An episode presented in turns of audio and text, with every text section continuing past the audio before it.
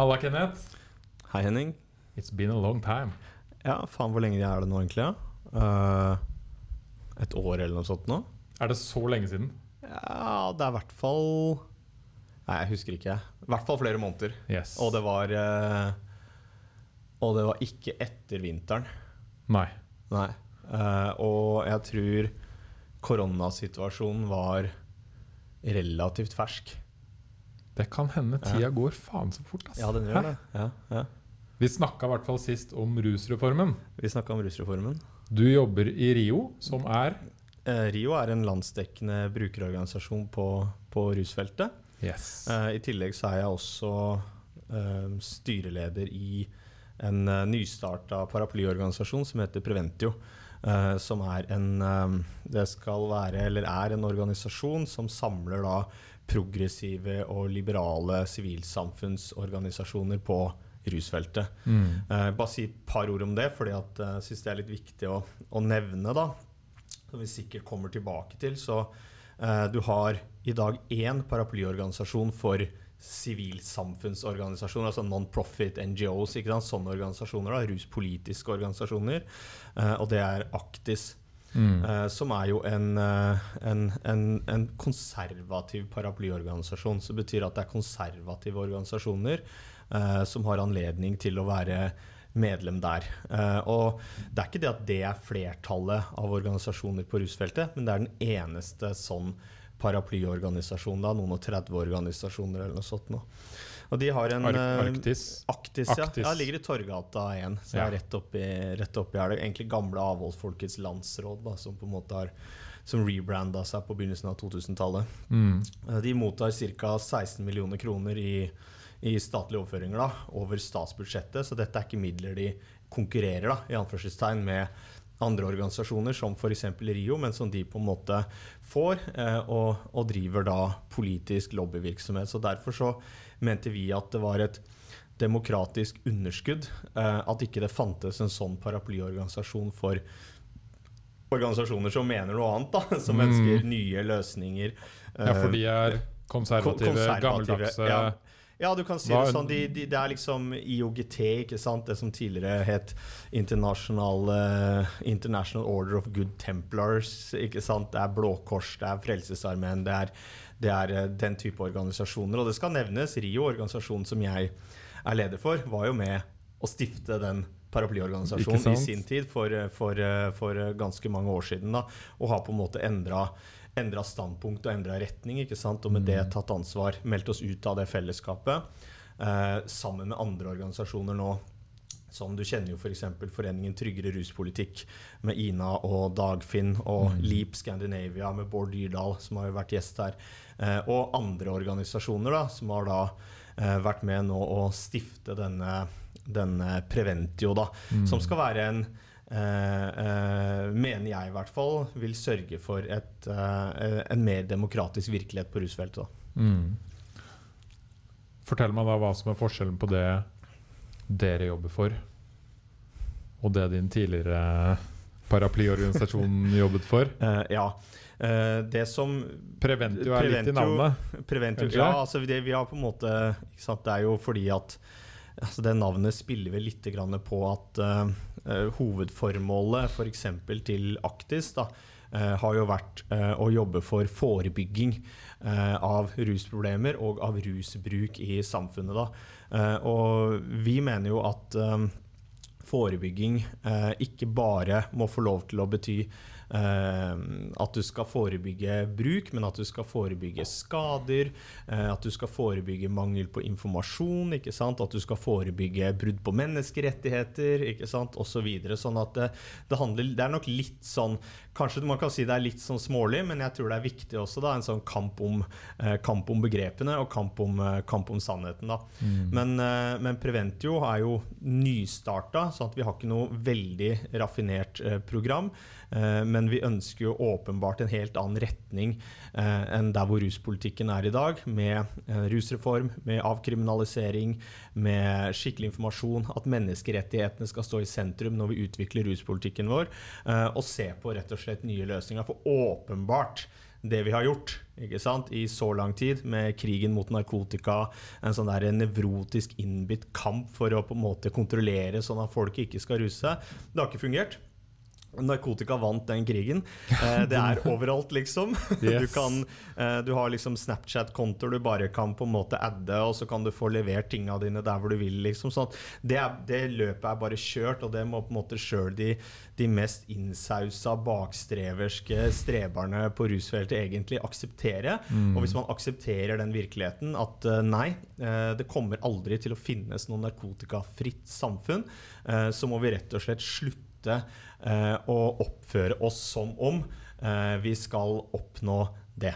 Så det er, mener jeg er eh, den store forskjellen. Er at, eh, og det er jo kjempefrekt, og det kommer de sikkert til å, å bli sur eh, for at jeg sier, at jeg opplever nok at de ikke befinner seg i virkelighetens verden, eh, men at vi forsøker i alle fall etter beste, beste evne å gjøre det. Så skal det jo nevnes, Aktis har jo, Aktis har jo selv et vedtak på at de er for avkriminalisering. Eh, men jeg eh, mener jo at det vedtaket deres eh, var ikke Altså, det var ikke, det var ikke riktig. Det var en måte for paraplyen å forsøke å fortsatt være relevant, fordi at man så at sant, det politiske liksom, stemninga endra seg veldig. sånn at hvis du sto da var imot avkriminalisering, imot rusreform, så blei du stående utafor det gode selskap. Mm. Så for å kunne på en måte fortsatt være med og påvirke, så vedtok man da at man var for eh, en avkriminalisering. Men så er det hva man legger i avkriminalisering, og da kom liksom alle djevelen i detaljene. ikke sant? Yes. Med Du skal ha et sånt der eh, rusregister. altså Hvis du blir pågrepet av politiet, så skal navnet ditt føres opp i et register. Arbeidsgivere skal ha tilgang til dette registeret. Eh, det skal kunne gis eh, økonomiske sanksjoner eh, osv. Så Sånn at det Så bare straff på en litt annen måte.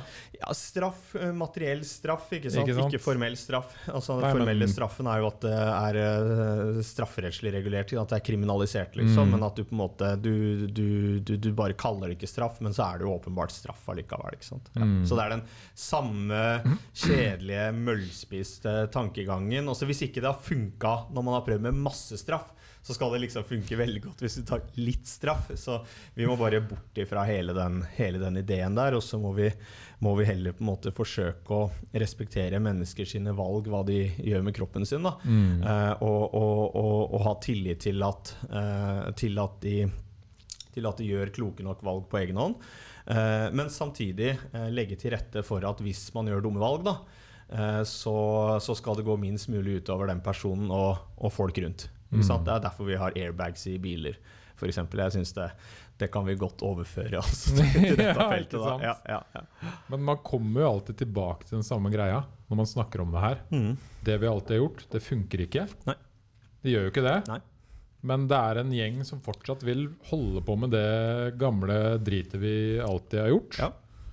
Og så går det i sånn sirkel. Ja. Og så er det liksom en ny flokk, da, eller en flokk som tenker sånn Nei, vi må prøve noe nytt. Ja, du kan si det er um, Og dette er liksom Nå har jeg og en del andre fra, fra de ulike organisasjonene har jo eh, kanskje fått mye plass og sånt ikke sant, i offentligheten, men, eh, men det er viktig for meg å, å understreke at det her er en eh, det her er ikke liksom Kenneth Arctander eller, eller Ina Roll eller, eller Arild Knutsen eller, eller noe sånt noe.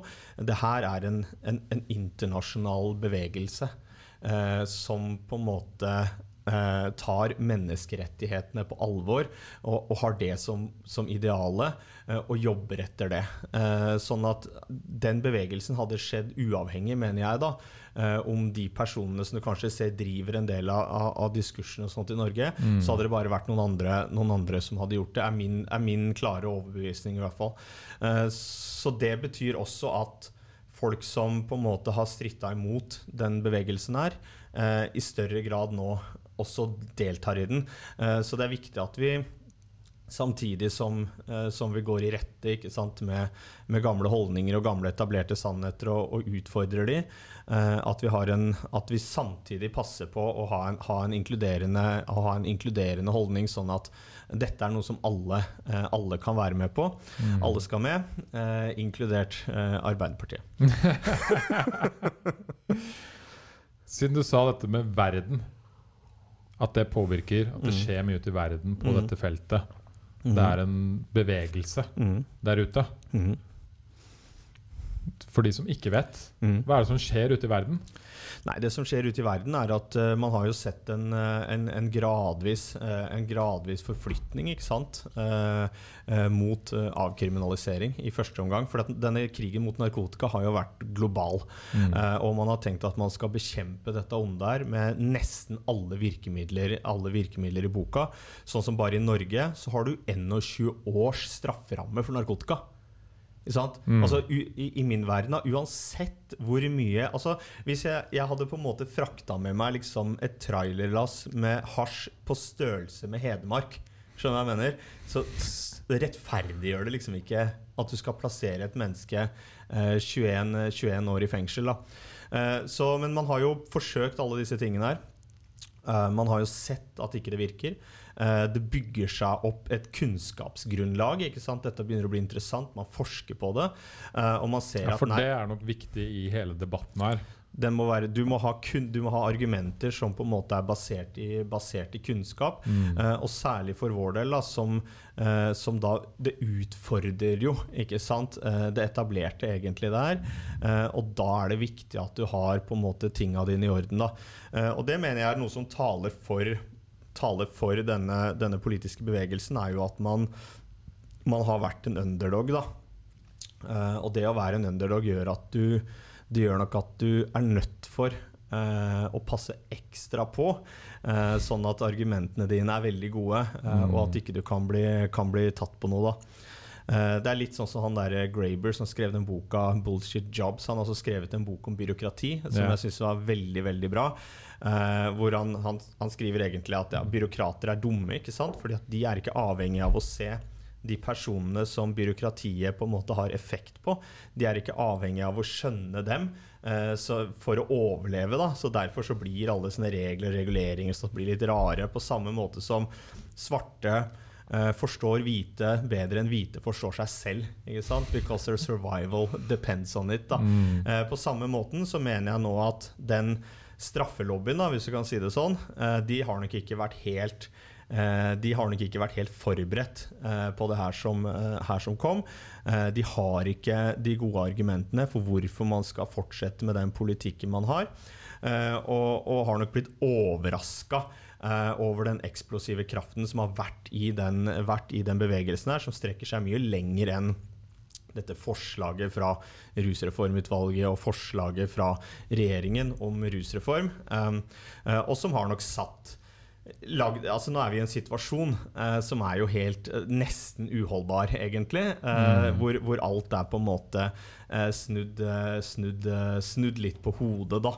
Eh, hvor eh, eksempel så var jo det kronargumentet da, til eh, politiet for hvorfor man eh, ikke skulle avkriminalisere bruk og besittelse av ulovlige rusmidler, eh, var at da ville man miste adgangen da, til disse straffeprosessuelle tvangsmidlene eh, som de har brukt i etterforskningsøyemed eh, for å avdekke eh, bruk, besittelse, annen type kriminalitet. Som Eh, for eksempel ja, tvang, fri, Det er frihetsberøvelse, åpenbart. ikke sant? At, Ja. du, at du kan sette på noen håndjern. Yes. eh, at du kan eh, ta dem med på arresten.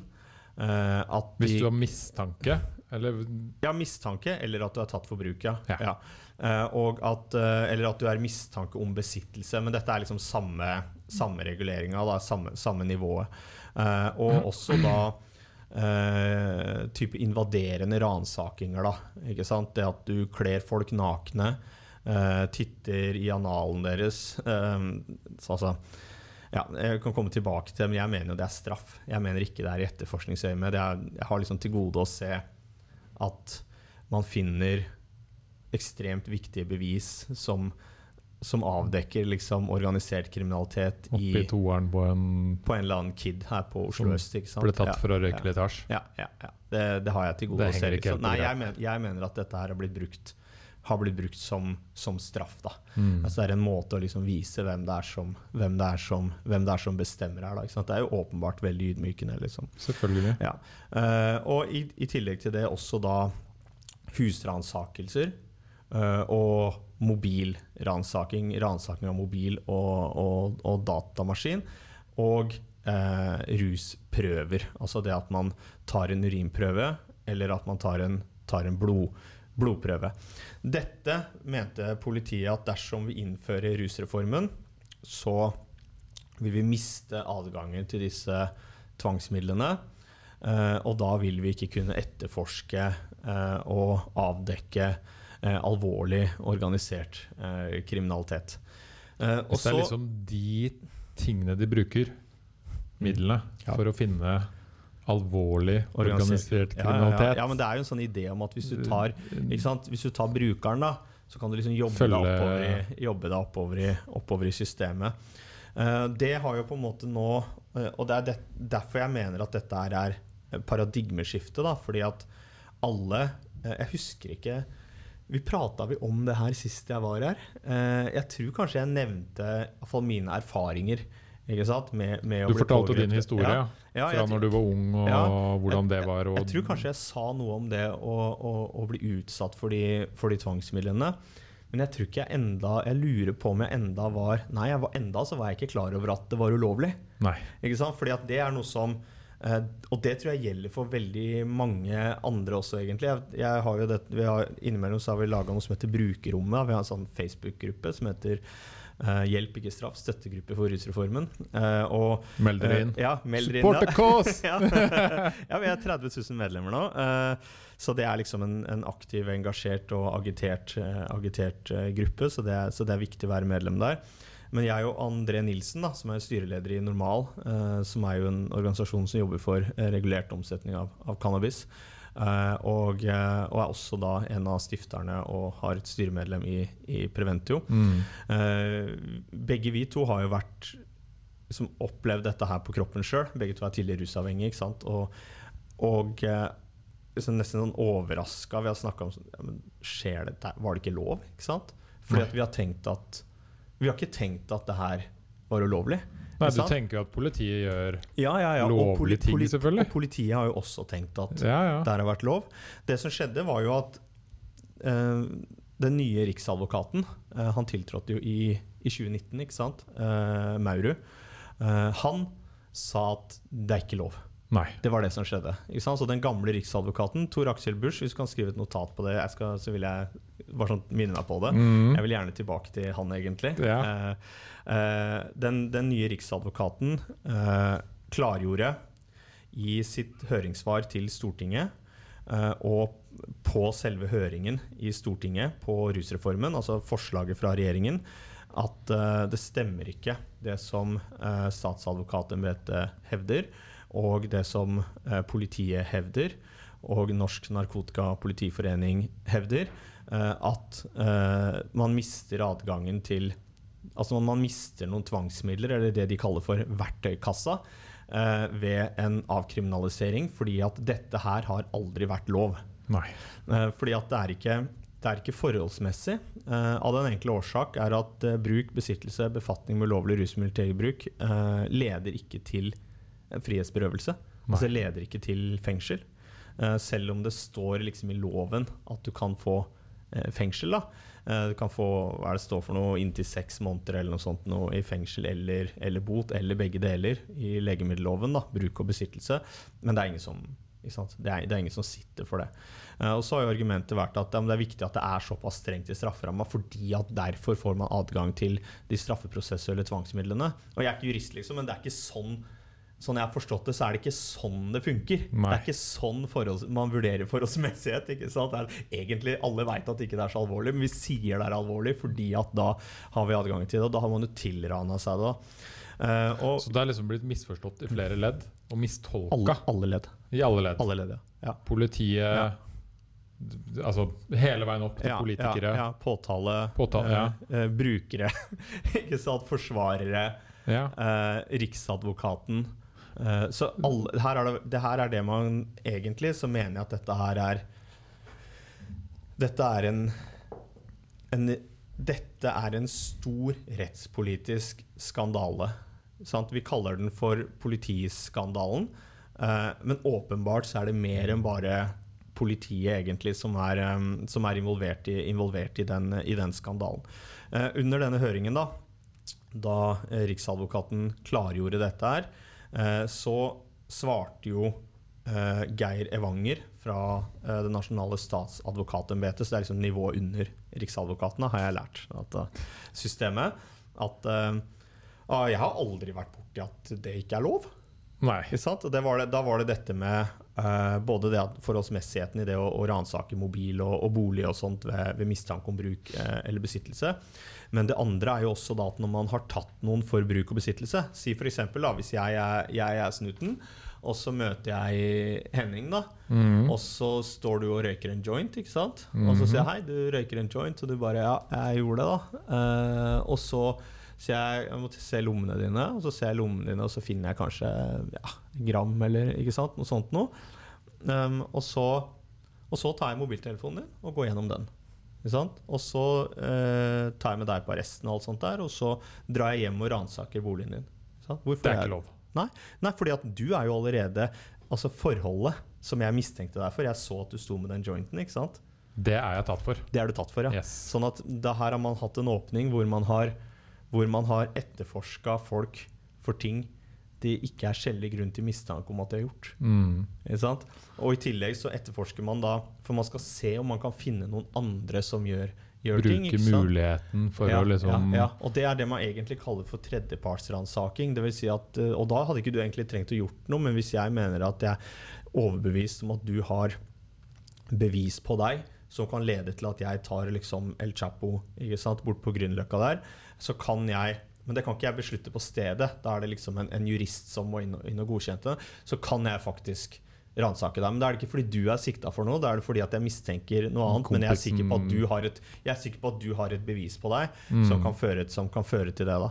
Jeg hørte også for så vidt dette med Og dette vet sikkert du bedre enn meg, men det er også noe i EU-lovgivningen om data og bruk av data, mm. som gjelder, også gjelder for Norge, mm. som er en av grunnene til at mm. politiet ikke kan sjekke telefonen din. Mobiltelefoner, ja. Yes. ja. Stemmer det. stemmer det. Så det er enda en ting og grunn ja. til at det ikke er lov mm. å sjekke mobilen din. Så dette her er ikke sant, det er jo det, eh, det er, Dette her er jo rettighetene våre. Dette er jo sånn grunnleggende basic rettigheter som vi har. ikke sant? Rett til å ikke bli vilkårlig liksom ransaka under klærne mm. eh, til vilkårlig å på en måte få gjennomgått mobiltelefonen. ikke sant? Eh, gjennomgått boligen din, eh, tatt med i arresten, eh, etterforska for ting du ikke er mistenkt for å gjøre, eh, osv. osv. Men da er spørsmålet mitt før vi går mm. videre. Mm. Hva skjer mm. hvis dette hadde skjedd med meg i dag? Sånn som eksempelet vårt var i stad. Ikke en dritt. Ikke en dritt. Nei, ingen verdens ting. Så jeg kunne ikke De hadde gjort det samme som alltid. Nei, nå, nå tror jeg Det er det jeg mener. Ja, ja. Kunne jeg nekta? Ja, ja, klart. Du kan nekte, men eh, Og jeg tror nok at virkeligheten nå kommer til å endre seg. da. Yes, for det er eh, det, det jeg vil inn på ja, her. fordi at det som, det som når, Da Riksadvokaten klargjorde dette her, eh, og det var, sånn, det var helt sjukt å se på, fordi Eh, her hadde Norsk Narkotikapolitiforening, eh, politiet, Politidirektoratet, sant, Kripos, eh, statsadvokaten Alle hadde brukt dette argumentet. her Sier nei, det er ikke sånn det funker. Og dette er øverste sjef. ikke sant? Mm. og så um, blei jo Riksadvokaten da nødt til å, å, klargjøre dette her ikke sant? i brevs form. at det er slik, slik det skal være. Ja. Det er sånn det er. Man har ikke anledning til å bruke disse invaderende tvangsmidlene i og dette er, mindre alvorlige straffesaker. Er dette liksom, holdt jeg på å si, stempla, brevet er skrevet ja, ja, ja. under, og det, er, det er don? Visst, visst er det det. Og i tillegg så har også da eh, Riksadvokaten bedt om en redegjørelse. Den tror jeg vel det er statsadvokatene som må, eh, som, eh, som må gjøre en gjennomgang, som de innhenter informasjon fra, eh, fra politidistriktene. Som, som, dreier seg om omfanget og praksisen mm. ved bruk av disse tvangsmidlene. Så i teorien da nå, hvis den halvuskyldige kompisen på hjørnet blir tatt mm. for en joint nå, mm -hmm. Så skal de i prinsippet ikke sjekke lomma di, Nei, sjekke mobilen din, De dra hjem til deg. De kan sjekke, De kan lomma, sjekke lomma di. Ja, de kan gjøre det. For det er Men der liksom en- saken. Ja, Det er liksom ja. det du prøvde å Hvis, hvis du skal fortelle på en enklere måte, Basically. ja, Mm. da har de ikke lov til å ta det videre. Nei. Nei. Nei. Uh, men ikke sant altså her er, Jeg har jo null tillit. Eh, eller null tillit det, Nå skal jeg ikke bli liksom Ikke vi hadde så, vi, Nei, men det er akkurat det vi hadde. Jeg bare hørte meg sjæl. Vi hadde Bjørnar Moxnes da, på brukerrommet. Og, og, og han var liksom veldig positiv til rusreformen og sånt. Han hadde null tillit til høyreregjeringa! Eh, null! Og så tenkte jeg sånn Bullshit, da. Du har ikke null tillit. Null tillit, liksom. Da må det være mistillitsforslag hver jævla dag. Jeg har, jeg har selvfølgelig noe tillit, men du kan si det at den er, den er kraftig svekka. Ja. Uh, og, eh, og det handler dels om historiske årsaker. Uh, hvordan, altså, hvordan politiet behandla homofile. Sant? Og hvor lang tid det egentlig tok å endre kulturen. da. Uh, fordi her mener jeg at det har fått vokse fram en, en ukultur hvor alt er greit, egentlig. Og hvis du går tilbake og leser disse medlemsbladene f.eks. til Norsk Narkotikapolitiforening, eh, hvor jeg tror nesten så godt som alle politifolk som har vært spesielt opptatt av å jobbe med narkotikafeltet, har vært medlemmer, så er det, det er forferdelig, egentlig. Hvis du virkelig går inn i den diskursen og, og leser og ser, eh, så er det en veldig sånn type eh, dehumaniserende retorikk. Eh, latterliggjøring. Eh, det har til og med vært eks eksempler hvor man har tatt bilder av liksom, narkomane og på en måte harselert med det liksom, i, i, i skrift og bilde og, og sånn sirkulert blant medlemmene. ikke sant? Så dette her er en veldig uh, Dette er en ukultur, uh, og sånn jeg forstår det, så er politikulturer er, er ganske vanskelig å endre. Lytter kanskje ikke så mye til, eh, til innspill utenfra, eh, men lytter veldig mye, mye til seg selv og til sine, eh, sine eventuelle autoriteter. Da. Sånn at jeg har, eh, jeg har Man blir noe, jo som flokken sin, vet du. ja, jeg har ikke noe sånn automatisk noe tillit til at dette her kommer til å endre seg over natta. Nei. Eh, jeg tror man, en del kommer til å være kreative, man finner nye måter, og i alle fall så må vi være årvåkne for å sørge for at vi får, at vi får stoppa praksisen, eh, og at vi har kontroll med politiet. Mm. Eh, Riksadvokaten har jo begynt det arbeidet, eh, mener jo jeg. Og nå blir det jo spennende å se i den rapporten eh, som kommer fra politiet og fra statsadvokatene, om i hvilket omfang eh, dette her har foregått. Nå skrev jo riktignok Riksadvokaten i sitt brev at på nåværende tidspunkt Nå parafraserer jeg, da, men på nåværende tidspunkt så er det ikke, så er det ikke grunn for å konkludere med at? Eh, det har vært en systematisk eh, feilpraktisering. Og derfor så ber han om ikke sant? kunnskap. Sånn at det betyr jo at det er ikke grunn til å konkludere med det, men så hvorfor ellers ber du om en Hvorfor må du klargjøre, og hvorfor må du be om liksom en rapport? Det er jo Mm. nettopp fordi at man tror at dette er mer enn bare noen enkelthendelser. Ja, herregud, Også- det ja. må det jo være. Altså, det må jo være det her er så åpenbart, fordi. Hele gjengen, vet du hva? De har argumentert i samtlige høringssvar ikke sant? på rusreformen. Politidistriktene, Politidirektoratet, i, i media. De har sittet på Dagsnytt 18. De har vært på NRK Debatten. eh, og de har argumentert med at dersom vi avkriminaliserer, så mister vi disse tvangsmidlene Som som vi- vi, bruker. Altså er det åpenbart at det, og, og du man har tenkt at det er sånn det er. Da er det jo klart at det er systematikk i det. Det er jo helt fullstendig institusjonalisert, akseptert, og det er ønsket at man bruker de tvangsmidlene. Mm. Så åpenbart er det en systematisk feilpraktisering. Og der er liksom første issue mitt da, med Benedicte Bjørnland, som er da eh, politidirektør i dette Marmorpalasset. Eh, politidirektoratet, Mm. som er en av kontrollmekanismene vi har eh, med, med, med politiet, var at hun hev seg på dette halmstrået, da, ikke sant? Eh, og sa det at veldig glad for at Riksadvokaten mener at det ikke er grunnlag for å hevde at det har vært en systematisk feilpraktisering. ikke sant? Som jeg tenkte sånn Oi, det var uansvarlig sagt. Mm. Fordi at alle med liksom to hjerneceller i omløp skjønner jo at dette er systematikk i det. Bare hvis du kjenner noen som har vært rusavhengig, så veit du det. Altså, en enkelt rusavhengig som har vært stoppa av politiet noen ganger, har stort sett opplevd, iallfall ja, ja. alle jeg kjenner, og meg, liksom, at disse tvangsmidlene blir, blir, blir brukt. Da. Det er sånn derfor jeg liker å også snakke med deg og høre, høre med folk som snakker brukernes sak. Mm. Det er så viktig. Mm. Du har selv vært der, Kenneth. Mm, ja. Ikke sant? Du har hatt politi hjemme hos deg, du har blitt ransakt, du har hatt ja. den historien. Ja. Og, det, og, jeg har jo selv hørt om masse barndomsvenner mm. og folk jeg kjenner. Mm. Folk som blir tatt på gata. Ikke sant? Mm. Har jo hørt alltid disse historiene. Mm. Og alle i alle sine vennegjenger når de har vokst opp, har hørt sånne historier. Ja. Og der, eh, så jeg, jeg kommer jo fra Langhus, eh, så det er Follo politikammer da, eh, på Ski. Og, og jeg opplevde altså, helt, altså Fra første gang jeg ble tatt, da, da var jeg 15 år. Men da ble jeg egentlig ikke tatt for noe. Men eh, kamerat av meg ble tatt. da 25 gram hasj eller noe sånt. Ikke sant? Og, så, eh, og, jeg, og da ble jeg satt håndjern på uten at man egentlig hadde noe Du hadde ikke engang funnet noe på meg. Men jeg ble satt håndjern på ryggen, 15 år gammel. ikke sant? Og, 15 år? Ja, ja, og inn i, inn i politibilen og skulle inn på, inn på, stasjonen. da Skateboard fikk jeg ligge bak i. ikke sant? Men det som var Jeg hadde jo noe på meg. Altså, Jeg hadde gram, liksom. Så, men jeg hadde det altså jeg husker hvordan, Jo, jeg hadde, hadde, det først i liksom sidelomma på den cargo-buksa jeg brukte. Og så, eh, mens de sto og ransaka kameraten min, da, så eh, flytta flytta jeg den Det var en sånn liten klipspose med liksom et gram med hasj. Så flytta jeg den bak i bokserlinningen. ikke sant? Eh, og så når han politimannen kommer og, og ransaker meg, så skulle han ta fingeren ned i liksom, bokserlinningen. da, sånn rundt sånn. Og så ser jeg på han, og så, og så fikk jeg sånn innfall da, ikke sant? idet han liksom dreiv og førte fingeren rundt. Og så sier jeg 'Er du homo, du, eller?' Ja. Ikke sant? Oh, han var jo så tenk deg, så svak, bitte liten eh, homofob mann.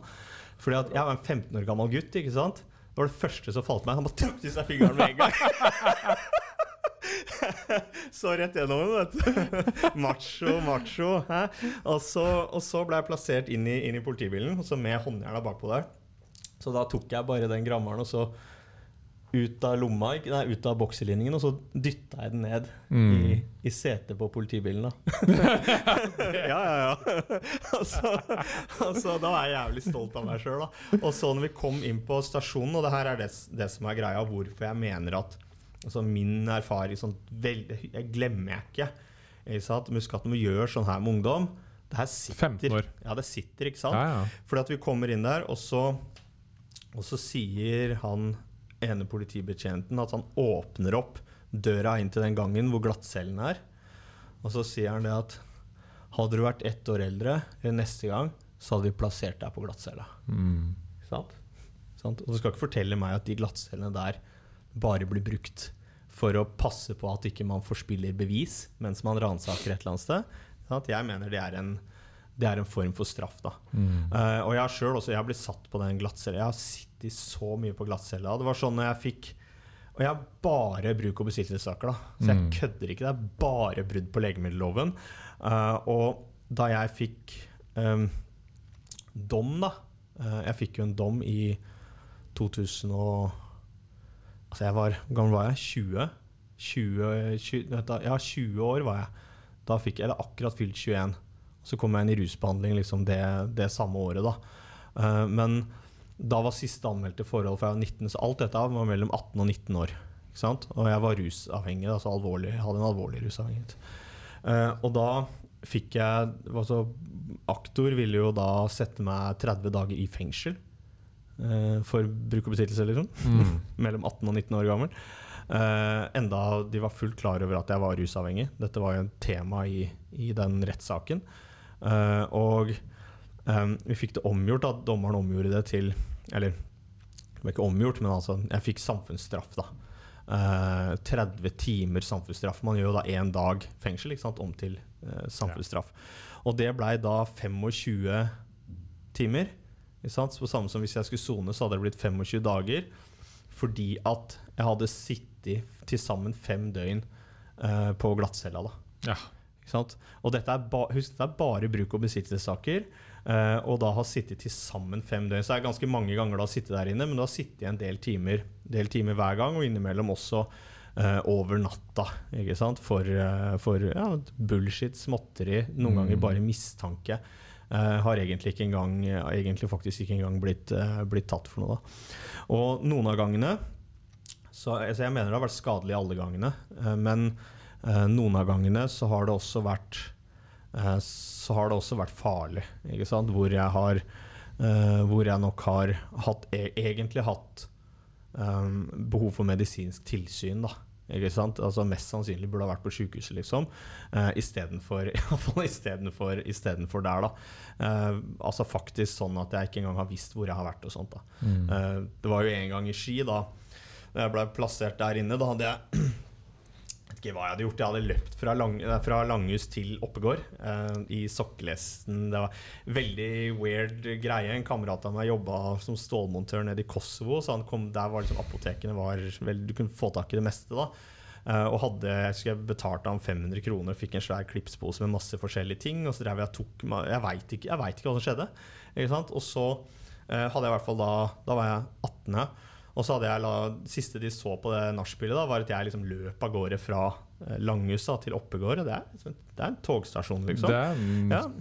Ja, du, har, du er kjent? Jeg er fra Kolbotn, eller Ja, Tårnåsen, så det ja. er ikke så langt Ja, så det er den Langhusveien, da. Ja, hvor jeg da hadde løpt i sokkelesten. Og så når jeg kom til Oppegård togstasjon, så, så var det liksom en bil som stoppa og ropte på meg, og jeg bare ikke sant, Et eller annet. Og så så ikke jeg, for jeg så masse gult og alt sånt, men så var det politiet, da. Eh, Så da røyk jeg jo rett i Mm. i kasjotten. da. Eh, og, eh, og var inne på den glattcella der, så, så var jeg sånn Jeg sto der, og så tenkte jeg Eller så så, så jeg bare Ski sentrum, da. Ikke sant? Og så, ah, ikke sant? og så går jeg og så går jeg rett på veggen. ikke sant? Det skjedde flere ganger så jeg slo i hodet mitt og ikke sant? alt sånt. helt, til, helt til denne politi... Han sa at du må innrømme hva du har tatt, du må innrømme hva du har tatt, hva du har, veit om noe mer. Det var liksom hele tida inn i den der luka, da. Og jeg svarte jo ikke på noen ting. Eh, det gjorde jeg aldri, liksom.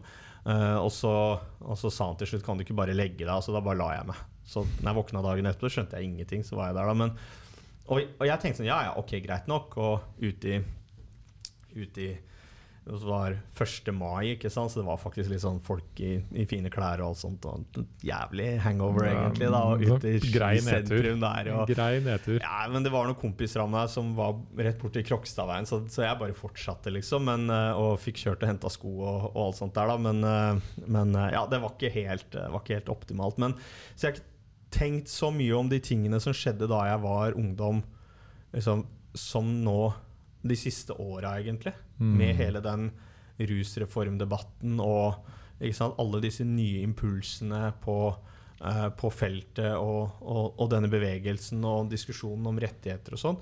Hvor jeg på en måte har begynt å liksom Det tok en stund før jeg skjønte ja, ikke sant, så dette her er jo Dette som har skjedd, er jo det er grovt urettferdig. Mm. Det er ikke riktig, liksom. At man, at man behandler, uh, at man behandler, uh, behandler folk, uh, folk på den måten. uavhengig av om de har problemer eller ikke. Men for min del, så åpenbart for meg, så var det jo problem. Kjempeproblem, hele greia, liksom. Og det var litt det vi snakka om sist òg, at det går jo mest utover de som allerede har det litt kjipt i livet Mm. og er litt utafor. Mm. Og den historien du fortalte, hvis Mm. folk hører den podkasten, Mm. den handler mye om deg, Mm. som handler litt utafor Mm. det vanlige liksom, Mm. boksen. Mm. Ikke sant? Litt Mm. utafor skolesystemet. Begynner å henge med litt feil folk. Ja. Begynner å ruse seg. Mhm. Og så er du liksom litt utafor hele tiden, og det er vanskelig Mm. å komme inn Mm. i det vanlige systemet. Ja. Liksom, skolegangen. Og alle disse tingene man gjør her, er jo at du, du gjør jo den avstanden bare, bare Det er akkurat det. Uh, og det er- blir jo enda mer vanskelig å komme tilbake igjen ikke sant? Mm. Mm. til det vanlige, til samfunnet, fordi man distanserer seg fra før. Mm. Og så kommer politiet i tillegg Mm. og liksom gjør sånn at nei, vi tenker at vi skal straffe deg. Og da, i ditt hode som du fortalte, ble du bare enda mer distansert. ikke Klart det, og rulleblad. Yes. Du får et rulleblad, liksom. Det er jo med å begrense deg i forhold til uh, hvor du kan jobbe, da. Ja, Hva vi- vi lærte det da vi var unge. utdanning du kan ta. Ja, ja, ikke sant? Da var det over og ut, liksom, når ja, man ja, det var på det. Det, rulleblad. var, det er jo sånn, sånn jeg tenkte. Ja, da er det, da er det done, done deal, liksom. Mm. Eh, jeg har jo også slutta i jobber fordi at uh, når det kom nye innstramminger, f.eks. Jeg visste at nå, nå kommer liksom dette greiene, ikke sant? og da kan jeg bare slutte den jobben og, og, og finne, meg noe, finne, meg noe, annet å gjøre. Uh, men nå har jeg jo på en måte Nå har jeg liksom rota til det der for evig og alltid, da, ikke sant? fordi Mm. det er vel ikke så veldig mange lenger som som på en måte ikke er klar over hva jeg har drevet og, og drevet med. Liksom. Og, og sånn sett er det jo veldig greit. Og det kan jeg si, da. Jeg, det å jobbe i en brukerorganisasjon, det var veldig sånn uh, til å begynne med, fordi at jeg er jo uh, jo uh, fagutdanna. Og tradisjonelt i brukerorganisasjoner så har ikke folk pleid å vært veldig høyt utdanna, ikke sant. Eh, men jeg hadde en jeg hadde en, en, en bachelor og jeg hadde en, en mastergrad. Mm. Eh, og hadde jobba klinisk med rusbehandling i en del år. Eh, både i sykehus og i ideell sektor og, og sånne ting. Jeg har jobba i barnevernet, jeg jobba som fagkonsulent i rus og psykisk helse, team i kommune, gjort, gjort forskjellige ting. Jobba litt i en fagforening og, og sånne ting. Og det å, å gå inn og så begynne å jobbe vanlig i, i en brukerorganisasjon, da, med liksom sitte i råd og utvalg og, og drive med brukerrepresentasjon, brukermedvirkning, sånne ting, opplevde jeg som et sånt uh, Ja, jeg merka hvordan folk så annerledes på meg da jeg kom med det utenpå meg, Mm. på en måte, hva som har vært bakgrunnen min, kontra hvordan jeg hadde pleid å bli møtt da jeg kom som en fagperson. Ja. Eh, det var jo så, Jeg husker et av de første eksemplene, og det her mener jeg her driver det og skjer store endringer. ikke sant?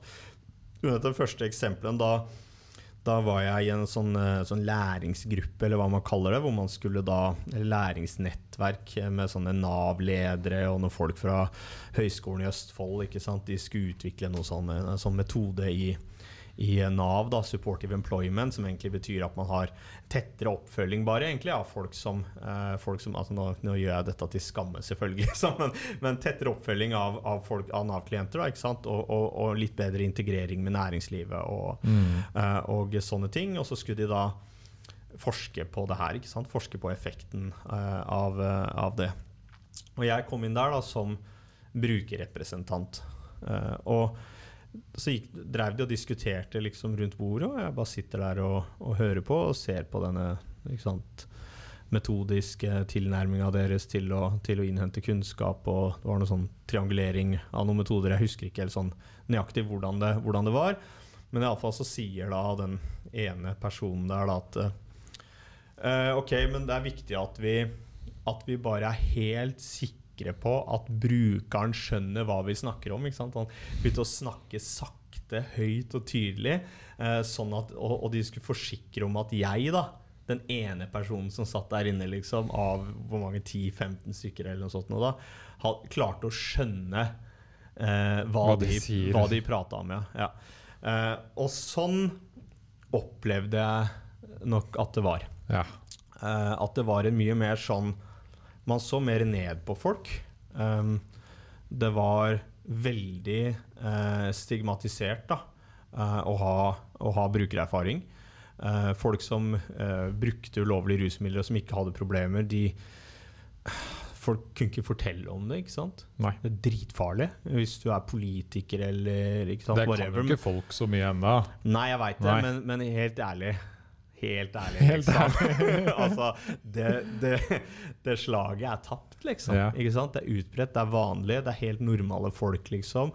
Uh, og så har det vært sånn at vi som da vi som da har på en måte hatt liksom, problemer, da, som jeg mener jo kommer egentlig av noe annet enn enn de rusproblemene, men det har blitt en coping- coping-mekanisme. Coping De personene har liksom vært de som skal snakke om rus, skjønner jeg mener. Eh, og, så, og det har bare ytterligere ført til en sånn, til en sånn stigmatisering, da. Men det opplever jeg i dag, at for egen del, organisasjonen jeg leder, andre organisasjoner eh, på rusfeltet som står for et annet syn, og som har et mer progressivt syn på, på, på rusbruk, eh, men også som har hatt sant, ulike problemer, vært straffedømt osv. Mm, har en helt annen posisjon Mm. eh, i den offentlige debatten nå eh, enn, vi hadde, enn vi hadde tidligere. Jeg, jeg opplever at det som har skjedd, er at den bevegelsen har ført til en avstigmatisering da, Sånn at er, det er mye mindre stigma, eh, stigma forbundet det. Og det har gjort til at det har vært mulig å se eh, disse krenkelsene eh, som har vært begått mot mennesker. Da. Fordi at stigma det fungerer på den måten at det for det første dehumaniserer mennesker, gjør det mindre verdt, liksom, og gjør det mulig å diskriminere dem. Og finner du et bedre eksempel på systematisk diskriminering enn at ordensmakta, med støtte fra påtalemyndighetene og hele samfunnet, bryter loven mot disse menneskene. Krenker de, putter de på glattcelle, setter på dem håndjern, ransaker hjemme hos dem osv. Så, videre, da. så det er konkrete lovbrudd, liksom. Og det rammer som jeg pleier å si, da, det rammer veldig sosialt skeivt også. Det er bare en sånn tilleggsting ved det. Det er at ungdom fra Oslo øst Straffes tre ganger så mye som ungdom fra Oslo ja, vest. Enda vestkantungdommen oppgir å bruke dobbelt så mye cannabis. Ungdom som har foreldre med mindre enn fire års høyere utdanning, har syv ganger høyere risiko uh, for å bli straffeforfulgt enn ungdom som har foreldre med mer enn fire års høyere utdanning. Mm. Så det man gjør her, er at man systematisk straffer, men også har diskriminert. Mm. Ikke sant? Uh, arbeiderklassens barn og jeg, jeg har ikke sett liksom ordentlig på de tallene. Det her er det jeg spekulerer i. da. Men jeg mener at dette her også handler om en, en altså institusjonell rasisme. da. Eh, fordi at eh, i disse bydelene eh, De som har foreldre med lavere utdanning osv., osv., eh, er også ungdommer som har foreldre med, med innvandrerbakgrunn. Eh, så det er ungdom eh, som er brune i huden. Uh, og som blir utsatt for uh, en type urett uh, med loven, loven, i hånd. Da. Og Det er derfor jeg er spesielt skuffa da, over Arbeiderpartiet, mm. som da senket denne rusreformen. Ja, altså, Alle unge er jo jævlig skuffa av Arbeiderpartiet. ja, men, det, men, men, de kommer til å Det kan hende de gjør det, gjør det bra i, i valget allikevel. Uh, men i alle fall så, så er jeg spesielt skuffa fordi at de av alle burde være i stand til å kunne gjøre den analysen og se det at man har at man har da her med loven i hånd Tror man, da. Har man trodd. eh, krenka ungdom fra arbeiderklassefamilier og med innvandrerforeldre. Yes. Systematisk. Så jeg uh, vil jo ikke si hva folk skal stemme eller ikke stemme på, da. Uh, men dersom du skulle befinne deg i det samfunnssjiktet og tilhøre noen av de gruppene, så er det greit å i hvert fall vite hvilke holdninger som du finner øverst i ledelsen i Arbeiderpartiet, i Senterpartiet og i Fremskrittspartiet spesielt. Mm. er i alle fall uh, mitt syn. Uh, det er ingen som hører på den podkasten som stemmer Frp uansett? Nei, nei, men de Og, og det var Whose name I shall not mention. jeg, jeg, glemmer jo hele tida det der, da Fordi at jeg ser jo Frp De driver jo bare og imploderer. ikke sant? Ja, ja. Så jeg tenker sånn Vær helt stille, og så bare la de liksom implodere litt akkurat nå. Ja, ja, fordi den der nasjonalkonservative fløyen som liksom som jeg opplever at uh, dominerer nok Fremskrittspartiet nå, da, med Sylvi Listhaug, Per-Willy Amundsen. ikke sant? Det er uh, Ja, det, det, det, er ikke Jeg pleier ikke liksom læsje ut mot ett parti da, pga. Liksom rollen min, men, men akkurat uh, Jeg bare har ikke Jeg kan ikke se for meg liksom hvordan jeg som, som, jobber i en organisasjon, da, vi prøver å sette liksom, minoritetsperspektivet på dagsordenen. løfte liksom, stemmene til, til, disse folka her. mens mens jeg opplever på en måte at Frp de tar til orde for dobbeltstraff. ikke sant? Uh, menneskerettighetene kan vi bare se bort ifra, osv. osv. Og, og forsvarer jo også den korrupsjonen Oi, det var heftig ord, men det, det, den korrupsjonen som uh, som på en måte har, har, har skjedd, og som, som skjer i, i, politiet. Ja, nå er jeg varm, ikke sant? ja, men, det, men innpå det, da. For ja. i denne det var det første, da, Benedicte Bjørnland, ikke sant? som mente at jeg er veldig glad for at ikke det er grunn til å, å tro at eh, det har vært en systematisk feilpraktisering på, eh, på bruk av disse tvangsmidlene i politiet. Ok, Minuspoeng nummer én Mm. til deg som eh, politidirektør. Det andre er Norsk Narkotikapolitiforening. Eh, Norsk Ja. Narkotika... Let's go into Yes, that yes, shit. her. ok, ja, vi gjør det. Ja. Norsk Narkotikapolitiforening er en, det er en forening. Vanlig forening, organisasjonsnummer, bla, bla, bla. Uh, medlemmer. Sant? De har 3600 medlemmer. Jeg tror ca. 2700 av det eller sånt nå er politifolk. Uh, mest sannsynlig politifolk som er opptatt av narkotika. Mm. Sant? Um, de ble stifta på begynnelsen av 90-tallet, 1991 eller et eller annet sånt noe, uh, og har hele tiden uh, vært en narkotikapolitisk organisasjon. Så de er en organisasjon som jobber for å beholde disse, dette organisasjonen som forsvarer Dagens status quo. Ja, de har forsvart status quo, eh, men de har forsvart status quo mot alle de endringene som har skjedd også nå, da, både med innførselen av LAR, eh, sprøyteutdeling, ikke sant, heroinassistert behandling. Eh, de, har på en måte, de har stått liksom på, eh, på feil side da, i alle sakene, og, og, og jeg skal være ærlig at Rio har også stått på feil side eh, av mange av de sakene opp gjennom historien, så, så det er ikke sånn at vår organisasjon er uten eh, er uten flekker på, på vingene, hvis du kan, kan si det sånn. men helt- Veldig, veldig ærlig og godt sagt. ja, ikke sant? Men, mm. men sånn er det. fordi ja, ja. jeg mener at det viktigste du kan gjøre hvis du skal få til endringer, det er at du faktisk må gjøre en kritisk analyse også av eget standpunkt, egen praksis. For ellers så får du ikke til endringer, og det er ingen som er feilfri. Eh, og om ti år så vil vi alltid se tilbake på historien, og så vil vi se åpenbare feil. ikke sant? Men man lærer jo av ja. sine feil. Og det er Det liksom er, det, er, det er det du må gjøre, og det, og det er i hvert fall min det er i hvert fall min sånn innstilling som, som leder når jeg tok over som leder i Rio, så er at vi skal være veldig, veldig sant, kritiske til hva vi gjør sjøl, fordi at det mandatet vi har fått eh, til å representere brukerne, er så viktig. Mm. Så, det, så det krever, eh, det krever Det krever, mener jeg, den, eh, den innstillingen, da. Fall, denne foreningen eh, de har jo engasjert seg kraftig i, eh, i rusreformdebatten. Eh, de har tatt et eh, veldig aktivt standpunkt mot avkriminalisering. Eh, sånn at jeg opplever nok at de har vært en mer ærlig motstander da, enn Aktis. Mm. Men Norsk Narkotikapolitiforening er også medlem i Aktis. Du veit hvor du har det, liksom. Ja, ja Norsk du vet, du, du vet- ja, du vet hvor du har det. Ja. Så issuet mitt er egentlig ikke så mye med foreningen, skjønner du. Men det, jeg, skal, jeg skal komme litt inn på det. Eh, De har et styremedlem i Aktis, og det er da eh, Jan Erik Bresil, som også er da styreleder for eh, Norsk, norsk narkotikapolitiforening.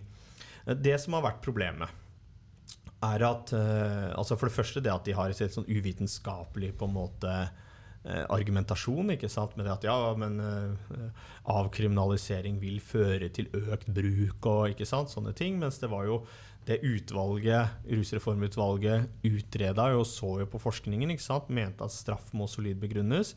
Um, man har pleid å begrunne det med at straffen fører til redusert bruk. Eh, vi fant ikke forskningsmessig belegg eh, for, for sikkert å kunne hevde at straff fører til redusert bruk. Derfor er det rimelig, rimelig å endre på en måte kurs. da. Mens Norsk Narkotikapolitiforening som en politisk agitør ikke sant, har jo på en måte de ser bort ifra hvis det er forskning som strider med, som strider med deres standpunkt. Greit nok. Du har sleipe lobby, lobbytaktikker over hele linja, og det kan du finne på begge sider av enhver liksom, politisk, eh, politisk kamp. Men Norsk Narkotikapolitiforening, som denne Jonas Ali Ghanizade, da, eh, mannen bak Twitter-kontoen Vtravel, hvis du husker det, for en del år tilbake. Mm. Han fikk jo masse, ble jo mye større enn Vy sin egen Twitter-konto og bare var sånn nær kødding med sånn corporate eh, eh, retorikk. Eh, han begjærte iallfall mange innsyn da, i, eh, i politiet, eh, tollvesenet, eh, andre, eh, og fant jo da at em, Politidirektoratet har jo donert penger ikke sant, til denne foreningen. Mm. Uh, altså bare gitt som gave, f.eks. Jeg tror over 100 000 en gang. Så over, over en, en periode på noen år så hadde de gitt over 3 millioner. ikke sant? Uh, og de har gitt penger på en sånn ureglementert måte, da. Uh, det vil si at det har ikke vært et søknadsordning som andre har kunnet søke på. Nei. Ikke sant? Og det samme Og det er eh, ja. vel i forhold til hvordan samfunnet vårt funker. ikke helt innafor. Alle det- skal ha like mye rett til å søke om de type midlene. Ja, jeg tror nok alle kunne ha søkt, liksom. Sånn at vi er nok Jeg tror liksom ikke at noe har vært ulovlig, da. Eh, men så har man også hatt det at eh, folk som var ansatt i politiet, eh, kunne oppgi tjenestenummeret sitt da de meldte seg inn. Så blei medlemskontingenten trukket direkte fra lønna. I Forsvaret, i den narkogruppen eller hva det er for noe, i Forsvaret, så var det sånn at Forsvaret betalte medlemskontingenten for ikke sant? For Mm. de som var i Forsvaret og som, eh, og som var medlemmer. Politidirektoratet har også instruert politidistrikter om at eh, tillitsvalgte, altså bestemte personer da, i Norsk Narkotika- og Politiforening, skulle frigis ikke sant, så og så mye fra jobben sin i politiet for da å drive kursvirksomhet for Norsk Narkotika- og disse Bry deg-kursene, eh, som bl.a. inneholder kursing i legaliseringsbevegelsen. Eh, så, og, og så har jo da denne foreningen har jo da For politi? for Kurs. politi og andre. Okay. Eh, og så har jo da denne foreningen solgt disse kursene bl.a. til politi. Ikke sant? Så du har fått Mm. masse overføringer av midler her også, ikke sant? Eh, fra politi, politidistriktene. Det som der ser det er litt sånn diskusjon om på Narko-Twitter nå, er om noen av disse personene som i tillegg har ja, ja, ja. Noen av disse folkene som da også har eh, vært kursholdere. Om de, fordi flere av de har også etablert enkeltmannsforetak da, som heter liksom kurs og utdanning og sånn. Om de i tillegg har fakturert NNPF for disse kursene. Men det har ikke jeg noe holdepunkt for å mene noe som helst om. Men jeg vet at det er noe som det kan hende at man begynner å, begynner å se nærmere på. I alle fall det dette betyr, da. Er det de som bare vent litt, er det de som også drev og holdt kurs på skoler hvor de det, er, det er den Mm. Ja, det historien er samme, det er samme folka, liksom. Det er Ja. ikke så jævla mange av dem. Det er, det er liksom en liten gruppe, da. Men eh, ja, det er det samme Det er det, det, det, det samme det er det samme faglige nivået, da, hvis du, kan, eh, hvis, du, hvis du kan si det sånn. Men det er på en måte ikke problemet her. ikke sant? Nei. Problemet er at her har politiet sant, gjennom forskjellige liksom, mekanismer, da, både med det å, å gi manpower, eh, og politidistriktene da kjøper tjenester, ikke sant, eh, kunnskap osv., og at Politidirektoratet direkte overfører penger som ikke gis til andre organisasjoner. Det er liksom ikke noen ordning. Det betyr at politidirektøren ikke lenger kan avkrefte at de har bygd opp en politisk lobbyorganisasjon. Og det er ganske alvorlig, for da går du inn i dette maktfordelings, eh, maktfordelingsprinsippet, liksom, som på en måte rettsstaten vår, eh, rettsstaten vår egentlig bygger på. Da. Mm. Eh, hvor at eh, politiet Politiet skal ikke ha den formen eh, for eh, politisk makt. Eh, for det har de åpenbart her. Det er jo, og de har samme syn. Sånn at jeg, Det er en del sånn diskusjoner nå da, i forbindelse med det at nå skal det være en gransking og sånn. uh, men at man mener at ja, man kan Norsk Narkotikapolitiforening kan ha påvirka uh, politiet. da Eh, sånn at eh, de har de og de synspunkter. Jeg bare, nei, nei, hør nå, ikke sant? Greia er at dette er politiet sitt syn. Det er politiet sitt politiske syn. Det Mm. sammenfaller fullstendig. Mm. Det er ikke denne foreningen som i utgangspunktet er problemet. Problemet er at denne foreningen Du kan ikke benekte at det er politiets finansierte, oppbygde, pluss deres mannskap, sin politiske lobbyorganisasjon, som har det blir jo det. det er akkurat det som er problemet. Det skal du kunne si. Nei, det, kan, det er det ikke. Det kan vi bevise sånn. Ikke sant? Idet du ikke kan det, eh, så mener jeg du har et, et kjempeproblem. Det er punkt nummer to eh, av ripe i lakken på eh, Benedicte Bjørnland. Mm. Fordi at når denne kritikken her også begynte å rulle opp, så, så er jo hennes respons at ok, eh, vi skal ha en gjennomgang etter massiv kritikk ikke sant? og spørsmål fra eh, Karl Erik Grimstad på Stortinget, Nicholas Wilkinson, ikke sant? andre, eh, hvor man da har stilt spørsmål med f.eks. at, at, eh, at eh, Norsk Narkotikapolitiforening bruker politiet sine e-postadresser, eh, at de har kontorene sine sant? hos politidistriktene eh, osv. Dette, dette samrøret her. da. Og når det har kommet kritikk, kritikk om det, så varsla hun at ja, vi skal ha en gjennomgang av, av dette her. Men planen hennes var jo at den skulle de gjøre sjøl. Ja. skulle Politidirektoratet gjøre sjøl. Nå tar vi en gjennomgang sjæl her, folkens. Ja, fordi men da har hun ikke skjønt ikke sant? Da har hun jo ikke skjønt hva det dreier seg om. fordi at det handler ikke om vi skal gjennomgå denne foreningen. Ikke sant? De har organisasjonsfrihet. Det mener jeg. De må få lov å finnes. Mm. Ikke sant? Men politiet skal ikke på en måte være en del av det. Det er det som er problemet. Så det er hun som er problemet. Ikke sant? Det er Politidirektoratet som er problemet, ikke denne foreningen. Og det er viktig å, å gjøre det skillet. Og da kan jo åpenbart ikke hun Ok, da. Vi kan si det sånn her, da. Hvis alle de gangene jeg ble tatt av politiet, da, skulle jeg ta avhør av meg sjæl Mm. Hvis han skriver rapporten sjæl og gir meg nøkkelen til glattcella føler for så vidt jeg ikke hadde så mye på meg. Jeg skal undersøke mine egne kroppslige hulrom og sånn, ikke sant? Ja, det må jeg få lov å gjøre, da. Jeg tar den Men, sjæl, ja. jeg. no stress, liksom. Og, ja, ikke sant? Så det, det der er jo så åpenbart ikke sant? Veldig, veldig tillitsvekkende. Uh, og så, etter masse kritikk da, fra bl.a. Uh, Katrine Holter, som er førsteamanuensis i rettsvitenskap ved Politihøgskolen, eh, undertegnede eh, og andre i VG og NRK, så, eh, så snudde hun. Og sa det at ok, men vi skal ha en ekstern gjennomgang. Mm. Uh, og da skal vi skrive mandat. Altså det, det, så da skal settes ned et sånt utvalg. Da? Litt likt som egentlig dette rusreformutvalget. da. Det settes ned et utvalg, og dette utvalget får et mandat, altså en, en tekst, eh, som forklarer hva de skal utrede, hva de skal se på, ikke sant? og eventuelt forslag til endringer. Da. Og så er det I tillegg til det så er det alltid et sekretariat. Så du har noen byråkrater da, eh, som på en måte skal føre, føre rapporter og ikke sant, sånne ting. Få ting ned i tekstform og sant, gjøre alt det praktiske arbeidet, innhente kunnskap og gjøre sånn de får beskjed Mm. om av, av utvalget og utvalgets leder. Da. Men da skulle Politidirektoratet skulle da lage mandatet. De skulle foreslå medlemmer til dette utvalget. Og nevnte jo ikke det med sekretariatet, men åpenbart så hadde de satt sekretariat. Dette er en måte å kuppe eh, en, en utredning på, da, eh, som gjør at jeg bare mister enda mer tillit til henne. Ikke? For hun går liksom hele veien. da, eh, Blir drevet fra skanse til skanse. Uh, og det fikk så mye reaksjoner, så til slutt så cava hun helt. da. Mm. Og sier ja, men uh, jeg mener at vi har vi kunne klart det selv, men jeg noterer meg at, uh, at vi har kanskje ikke den nødvendige tilliten. ikke Mm. sant? Så Derfor så ber hun nå Justisdepartementet om å gjøre det. Altså Der står egentlig, står egentlig, egentlig saken nå.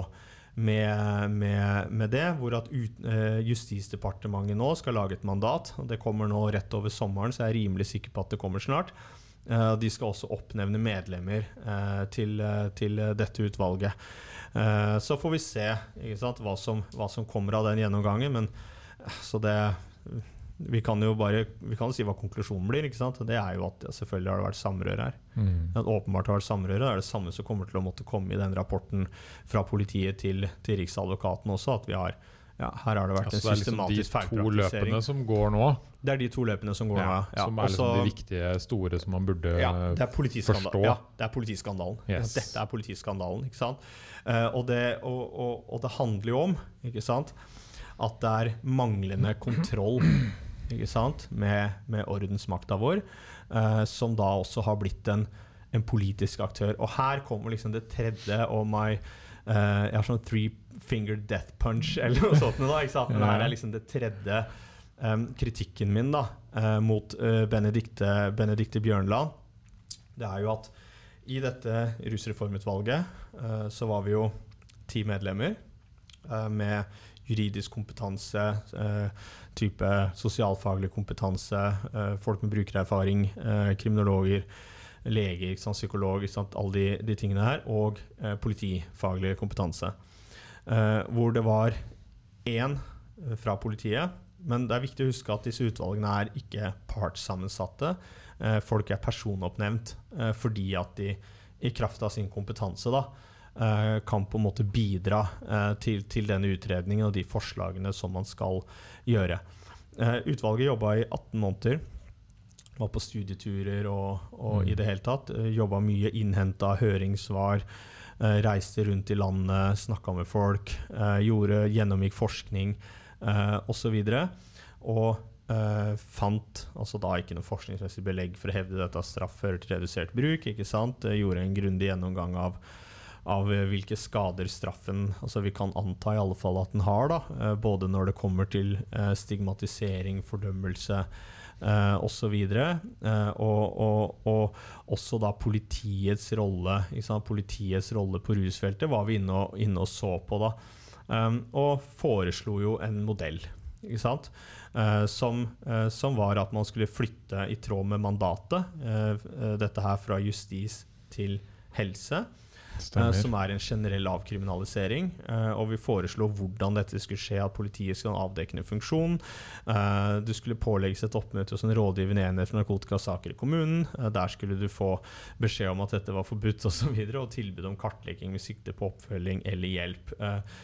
og så foreslo jo ikke vi noe, noe type mm, sanksjoner eh, dersom du ikke møtte opp eller dersom du ikke tok imot hjelp. Liksom, fordi vi flytta oss egentlig vekk fra det straffesporet. Så det vi gjorde, var at vi, vi, vi stoppa jo egentlig politiet og straff. ikke sant? Det var det vi egentlig gjorde. Og, og, og, og, og kobla på helsetjenesten i en større grad. Og da betyr det også at det å motta helsehjelp er frivillig. For det skal det enn så lenge være i Norge, med mindre det er grunnlag, eh, grunnlag for å gjøre et eh, tvangsvedtak og, og tvangsbehandle, tvangsbehandle folk mot slutten av eh, arbeidet da, så tar da eh, Rune Solberg Svann, eh, som var den som var der med politifaglig kompetanse, ut en dissens. Eh, og det er helt fair sak. Ikke sant? Jeg kunne f.eks. ha funnet på å ta dissens også, mm. men i andre retningen. Da, ikke sant? Kanskje jeg mente at man ikke gikk for langt. eller noe sånt. Jeg, jeg var inne på tanken et par ganger der, men uh, men jeg, jeg, jeg, var veldig fornøyd egentlig med, med, med alt vi kom fram til, og, og, og, var fornøyd med det utvalget liksom hadde konkludert med. Da. Mente at dette var uh, Men ikke Rune? Nei, han var ikke det. Han mente at uh, Og jeg mener det var helt uforsvarlig, det han, det han uh, mener. Han mente at utvalget ikke At ikke vi hadde lest mandatet riktig. Så han mente at dette her ikke betød avkriminalisering, men at det betød avkriminalisering for rusavhengige. Ikke sant? Eh, og Åpenbart gjorde det jo ikke det, fordi at uh, ellers hadde det ikke blitt tatt imot på den måten det ble gjort. Og regjeringa la jo fram forslag som bygde veldig på utvalget sin utredning og utvalget sitt, sitt, forslag. Og med noen sånne teite innstramminger, liksom, men fortsatt en generell avkriminalisering av befatning med ulovlige rusmidler til, uh, til, til, eget bruk. Da. Mm. Men han tok ut en dissens. han mente bl.a. at ikke det fantes evidens for, hvis jeg ikke husker helt feil, det begynner å bli en stund siden. Men i alle fall dette med at det ville føre til en, en normalisering ikke sant? som kunne føre til økt bruk. Um, politiet ville ha mindre virkemidler. Um, man kunne ikke lenger sende ut kriminelle utlendinger like lett. ikke sant? Så det var en del sånn ja, som jeg uh, syns uh, var ja, skuffende, da, hvis jeg kan si, det, kan si, det, på den måten. Men ok. Man har lov til å mene, mene det man mener. Uh, fall så ringte jo NRK meg forrige uke. Jeg tror det var forrige uke. Mutter'n var på besøk hos meg. og da ringte de, og så, og så sier de at vi har gjennom et innsyn så har vi nå funnet ut at uh, dette utvalgsmedlemmet, da, Rune Solberg Svan, uh, som for øvrig rett før eller etter at den lisensen ble levert, iallfall var også ansatt i Politidirektoratet, mm. uh, hadde da gitt dissensen sin, da, den skriftlige dissensen, som er et kapittel i utredningen, da, gitt den til Benedicte Bjørnland. Ikke sant. Ja. Og det, jeg tror sånn Ok, det er én ting. Det er kanskje ikke helt bra, men samtidig så så er det sånn folk, Jeg har vært borti mange folk som har sittet i utvalg, og, og det hender at de prater med kollegaer. Det, du vet hvordan folk er, liksom. Det er ikke vanntette. Så, så, jeg er liksom ikke så Jeg driter litt i Rune, hvis jeg skal være helt ærlig. Uh, han, han, gjør det han gjør, liksom. Uh, og, og, og, forstå for det, liksom. Det er, ikke noe, det er ikke noe big deal. Han ble gitt den tilliten og sånn. Uh, og så kan det hende han har opplevd det som at han satt der på vegne av politiet. Det kan godt hende han tenkte mm. det, men, uh, og da, uh, ok, men da er det hans virkelighetsoppfatning. Han trodde også at mandatet ikke betydde avkriminalisering, så jeg skal ikke gjøre meg til doms over hans virkelighetsoppfatnings evne, holdt jeg på å si. er jævlig stygg her. Men iallfall så, så Men det hun gjør altså Han hadde levert da den dissensen. Uh, i papir. Ja. Og det hun gjør, da Dissens, altså sin det er sin uenighet. Sin uenighet ja, har han delt med hun. Ja, ja.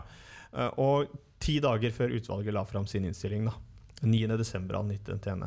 Iallfall det som, som fremgår av det NRK.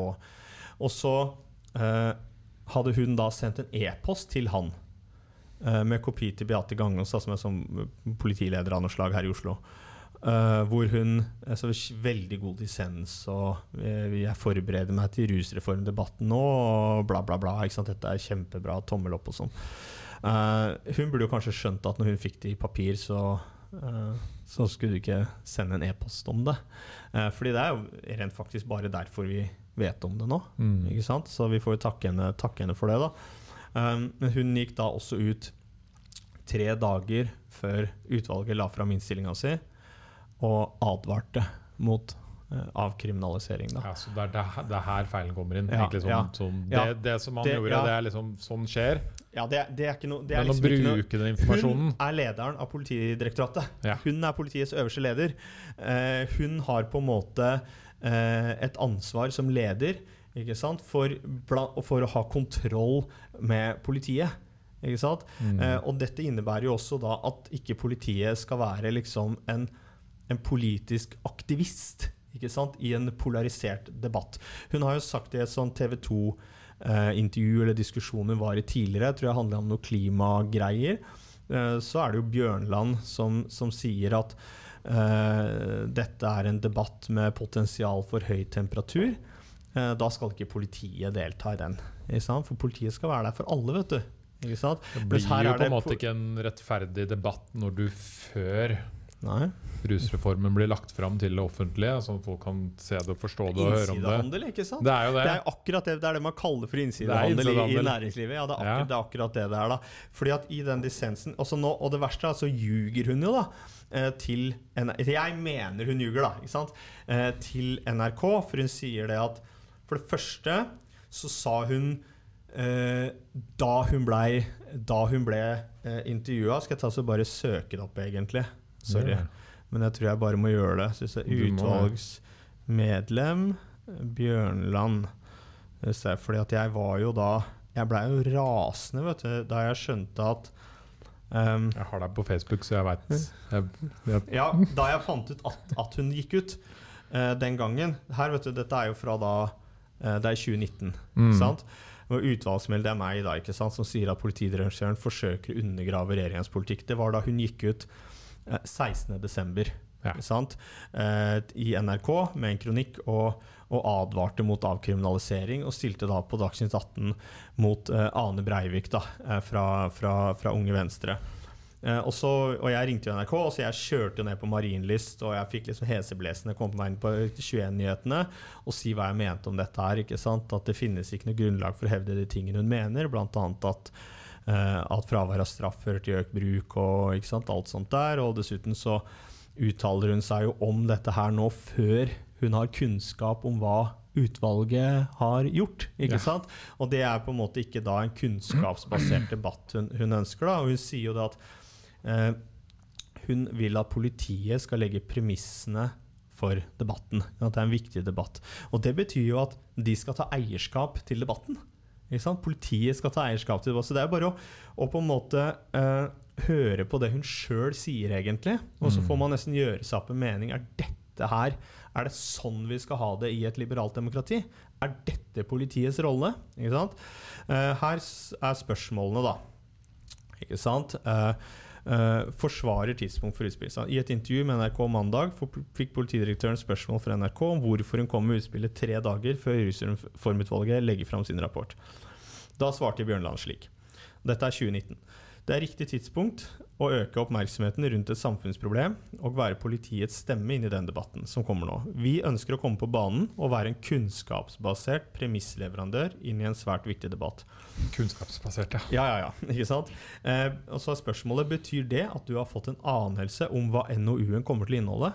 Og så sier hun jeg skal ikke si at vi har betydelig forhåndskunnskap. Så hun er jo ærlig, men det er tilslørende retorikk. ikke ja, sant? Veldig. Men vi har fått spørsmål fra utvalget. Det har ingenting med saken å gjøre. Hun har fått den fuckings dissensen, og i den dissensen så står det hva utvalgets konklusjon er. Fordi at Svan oppsummerer jo det. Mm. Det er Mm. en ryddig dissens hvor han beskriver dette er utvalgets konklusjon, dette mener de, her er jeg uenig. Ikke sant? Så da vet du jo, vet du hva det er for noe, da.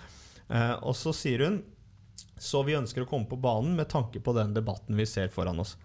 Og så er spørsmålet igjen Så du er kanskje ikke helt fornøyd med det den nye NOU-en inneholder? Så NRK var jo på banen, ikke sant? Mm. Og så sier hun jeg skal ikke spekulere i hvordan NOU-en kommer til å se ut, men igjen, vi ønsker å være premissleverandør inn i den debatten. Ikke sant? Det der er løgn. Mm. Sant? Det er løgn. Det er det det er. Altså, du, du kan Ja, si for at nå i det siste har det beviset kommet fram Ja. at hun visste om Ja, det. ikke sant? ja, det ikke var sant? 2019, Ja, 2019. men nå er beviset kommet ut. Og, og nå sier hun det at ja, men jeg leste dissensen. Det betyr jo ikke at jeg visste hva som sto i resten av NOU-en. Er på en måte hennes forsvar til Er hennes forsvar til, uh, til uh, Når hun på en måte svarer NRK uh, med, de, med de anklagene, da. Mm. Og jeg er av den oppfatning av at, eh, som jeg sa eh, til, til NRK, at eh, jeg, jeg skjønner ikke hvordan man kan ha tillit til at hun forvalter det ansvaret hun er satt til, satt til å ha. Fordi at, som hun sjøl har sagt, da, i en debatt med potensial for høy temperatur, så skal ikke politiet delta i det. Hun har da brukt skitne knep, forhåndskunnskap osv. Eh, for å, eh, å hive hele etaten inn i en polarisert offentlig debatt, bidratt til ytterligere polarisering, og også til utfallet av ikke sant, utfallet av eh, politikken vi har i Norge. Sånn at nå står politiet, eh, som Bård Dyrdal har jo sagt, ikke sant, er at nå står de ansvarlig for, ansvarlig for en streng narkotikapolitikk. Ja. Mm. Sånn at når du blir tatt av politiet nå, da, for bruk og besittelse, så handler det ikke lenger om at politiet bare gjør jobben sin. Eh, politiet gjør det de ønsker å gjøre. Ikke sant? Det er på en måte problemet her, da. Mm. Eh, for da eh, Hvordan skal du da Hvordan skal da en ikke ubetydelig del av samfunnet, som tilfeldigvis bruker ulovlige rusmidler, eller folk som har problemer, eh, rusproblemer, hvordan skal de ha eh, tillit til politiet? Eh, det har jeg vanskeligheter eh, for å se for meg. Eh, så derfor så syns jeg når eh, Farid eh, Shariati fra altså sosialpolitisk talsperson for Miljøpartiet De Grønne. Eh, Han sier at eh, hun må gå. Eh, det er ikke Hva sier du? Jeg mener hun må gå. Ja. Ja, jeg mener at hun bør gå. Eh, jeg syns kanskje at hun burde jeg ja, ja. Jeg syns kanskje ja. Jeg har liksom bygd det opp, da. Så nei, jeg syns hun skal bli. uh, men altså, ja, hun kunne godt ha blitt, liksom, men da Men da Problemet er at jeg har jo ikke Altså, da måtte hun jo erkjent liksom problemet her. Og lagt seg flat. Ja, hun liksom- måtte ha lagt seg flat, og dette skal vi rydde opp i. Fordi at den personen som snur? Og som har sittet med ansvaret, og som har vært liksom delaktig, medviten eller ikke medviten, liksom i dette som nå er denne politiskandalen, hvor man har latt bygge opp en politisk lobbyorganisasjon, systematisk misbruk av tvangsmidler mot brukerne, den type diskriminering, og i tillegg på en måte kasta politiet inn i en politisk debatt liksom, med forhåndskunnskap for å påvirke utfallet av, av, av liksom, altså motarbeidet regjeringen sin politikk, da, som hun Mm. strengt tatt er underlagt. Da. Hvis hun hadde Nei, vet du hva, hun må gå. For det ikke, jeg tenkte sånn, det, for det blir for mye. Ikke Ja. sånn, hadde det bare vært en del, noen feil, da, så kunne man liksom ha sett Og så er det for seint. Det er ja, liksom det er for seint. Hun har liksom Hun har på en måte blåst alle mulighetene, da. Hun har på en Mm. måte Jeg opplever nok at hun har At hun har liksom kanskje oppført seg som en, eh, en mindre begava kjeltring, egentlig, hvis jeg kan si det sånn. da Fordi at hun har på en måte prøvd seg med sånne små bortforklaringer og farer litt med usannhet og tilslørende retorikk og sånn. Og så blir hun liksom eh, altså dytta fra skanse til skanse, ikke sant. Så det er jo som han Farid sier da, at det er jo ikke Ja, men nå skal det jo nedsettes en kommisjon, spør NRK, og det skal jo utredes sånn. Så sier han ja, men det er jo ikke det er jo ikke hun som skal ha æren for det. Den kommisjonen blir jo nedsatt pga. henne. Mm. Ikke sant? Eh, Så jeg, jeg tenker nok det. Og jeg så også Sosialistisk Venstreparti, Freddy Øvstegård, var jo også ute og sa at dette er eh, dypt urovekkende. ikke sant? Eh, Åpenbart ikke sant? demokratisk utfordring der. Og Ola Elvestuen fra Venstre også sa at den granskingen som nå er planlagt, den må, den må være mye bredere. Eh, Den må også gjennomgå politiet. ikke sant? Og Mm. deres, sånn jeg forstår det, deres, deres rolle på rusfeltet. Og det er ganske kraftig, fordi at Venstre er også da i regjering. Ikke sant? Så de, de har jo vært eh, Jeg tror kanskje de har blitt litt stressa når, når folk liksom fra vår bevegelse, da, som de er jo altså Venstre er jo en del av, ikke sant? sammen med SV og Rødt og MDG eh, og Høyre, ikke sant? i alle fall akkurat nå, da. Eh, så har nok de blitt ganske stressa at de har fått en del kritikk eh, fra, altså fra Rio og fra, fra andre, egentlig, om at, om at liksom her må dere nå må det en skikkelig gransking til. ikke sant? Og de har vært litt sånn stille, gått litt stille i dørene. og Monica Mæland har, har på en måte vært den som har holdt igjen. Um, så tror jeg de har pusha veldig på internt i regjering, og derfor så får vi nå en uavhengig gjennomgang. Men nå gikk de altså ikke sant, ut og på en Mm. måte var veldig tydelig uh, fra Stortinget. Så det, så det syns jeg, jeg er bra at, uh, at, man, at man står for At man står for, uh, står for, står for det. man- Ja, jeg syns det. Disse to granskingene og alt det som har skjedd med politiskandalen, Mm. og at rusreformen fikk et nei, kan disse granskingene føre liksom til at det skjer endringer i samfunnet som får rusreformen egentlig sånn litt sånn Ja, jeg tror det. Jeg tror, det. Jeg tror at uh, Jeg tror at det skjer Jeg skal snu det på hodet. Ja. Uh, what if the opposite is true, som Slavoj Zizek pleier å si. da. Jeg tror ikke egentlig at rusreformen var det som normaliserte ikke sant, ulovlige rusmidler. Nei. Det er fordi Når du avstigmatiserer, så må du normalisere. Jeg tror at det var den politiske bevegelsen som har vokst seg større, eh, som har avstigmatisert og ført til økt normalisering, som gjorde at vi fikk rusreformen. Mm. Ikke sant? Er Sånn at jeg tror at det er nettopp de endringene som skjer kulturelt i samfunnet vårt, da. Det er det som fører til sant, rusreformdebatten. Det er det som fører til at vi nå stopper og vi begynner å sette grenser for hva politiet kan få lov til å gjøre mot folk, hva samfunnet kan gjøre mot folk, hvordan du kan snakke om folk som bruker ulovlige rusmidler, eh, og også da som har leda til den situasjonen nå, hvor at det er politiet sant, som er under, som er under gransking, da. Ikke kroppsåpningene til rusbrukerne. Ser du greia? ikke sant? Mm. Det er på en måte, liksom, Kortet er på en måte snudd, ikke sant? Det er og det er andre veien, eh, det andre veien det skjer noe. Derfor så mener jeg at dette her er eh, et, paradigme, et paradigme, paradigmeskifte. da. Så tror jeg at det er, nok, eh, det er nok nettopp det at man har da gjort det umulig for politiet å bruke disse tvangsmidlene, fordi det må det bli stopp på. ikke sant? Men er det nå umulig? Ja, det er, det er i hvert fall ikke lov. Det er ikke Det er lov. nei, det er ikke lov. Eh, så da må man jo uh, Da må man jo uh, Man må klage, da, ikke sant? eventuelt anmelde det. Og da er det jo til spesialenheten. Og da kommer vi inn på et annet problem. Fordi at i den derre Åh, nå, liksom, nå åpner jeg bare liksom Nå det går Hver down gang, da. kommer-. Ja, nå kommer det. Ja, nå, nå er det Hver gang så er det noen nye, noen nye, nye greier, da. Men i alle fall. Det var Altså den modellen, da. Det var jo et forslag fra Arbeiderpartiet og Senterpartiet. De har liksom hvert sitt forslag som er likt. Um, som var liksom Om da, rusreformen. som var liksom motsvaret da, på regjeringens forslag til rusreform. Det var da ikke avkriminalisering. Altså Jeg veit de sier det er sånn delvis avkriminalisering, og sånt, men det er ikke avkriminalisering. Det Nei, er sånn, ikke hvis det er delvis. Nei, det, det, det det går, nei de, de, de, det, det noen skal ikke få straff, da. Ikke sant? Nei. Men det er fortsatt så vil det jo være strafferettslig regulert. Ikke sant? Derfor er det kriminalisert osv. Så, videre, så det vil være nedkriminalisering eller ikke sant? et eller annet sånt, men ikke avkriminalisering.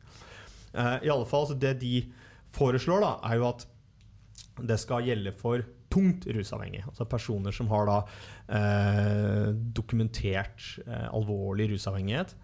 Eh, de skal kunne slippe eh, straff. Eh, og dette her er jo da et, et forslag eh, som er ført i pennen av den tidligere riksadvokaten. Ja, Tor Aksel Busch. ja for- her det står Aksel Busch. ja, og det der skal jeg huske på, det må du også huske på, at når vi blir over 70 år, og vi har liksom forlatt hva enn eh, yrke vi driver med, Mm. eh, så skal vi ikke med den grå manken vår hive oss inn i manesjen ikke sant? og nekte å skjønne at det er over. ikke sant? Det, jeg syns det er bare en sånn greie med, med godt voksne menn. Ja. Jeg har bare sett den der så mange ganger. Man tenker at jeg er så viktig, liksom. Mm. Eh, Jeg må må- få inn det siste. Ja, ja, ja. Og Det er så nå, nå skal jeg sørge for at ikke vi får noe. Men det funka jo, da. Eh, I alle fall, han heiv seg inn i manesjen, lagde denne modellen, um, som er et sånt unntak fra legemiddelloven. uh, som betyr at uh, det er politiet Fortsatt eh, som- innenfor politiets Ja, ja, ja. Det, og, det, og det verste er at det er så, det er så lættis òg, fordi det er liksom sånn, sånn det er ment, da, er at uh, politiet skal kunne bruke sånne personundersøkelser. Det er jo egentlig et sånt ledd i etterforskning, da. Um, og da skal politiet kunne finne ut om personen er tungt rusavhengig. Sant? Vanligvis så når vi eh, diagnostiserer personer med rusmiddelavhengighet da, på rusfeltet, mm. Eh, så gjøres jo det eh, gjennom en utredning, ikke sant. Eh, Det er jo en, en, en, en faglig utredning, eh, og det er jo en kompleks og sammensatt lidelse.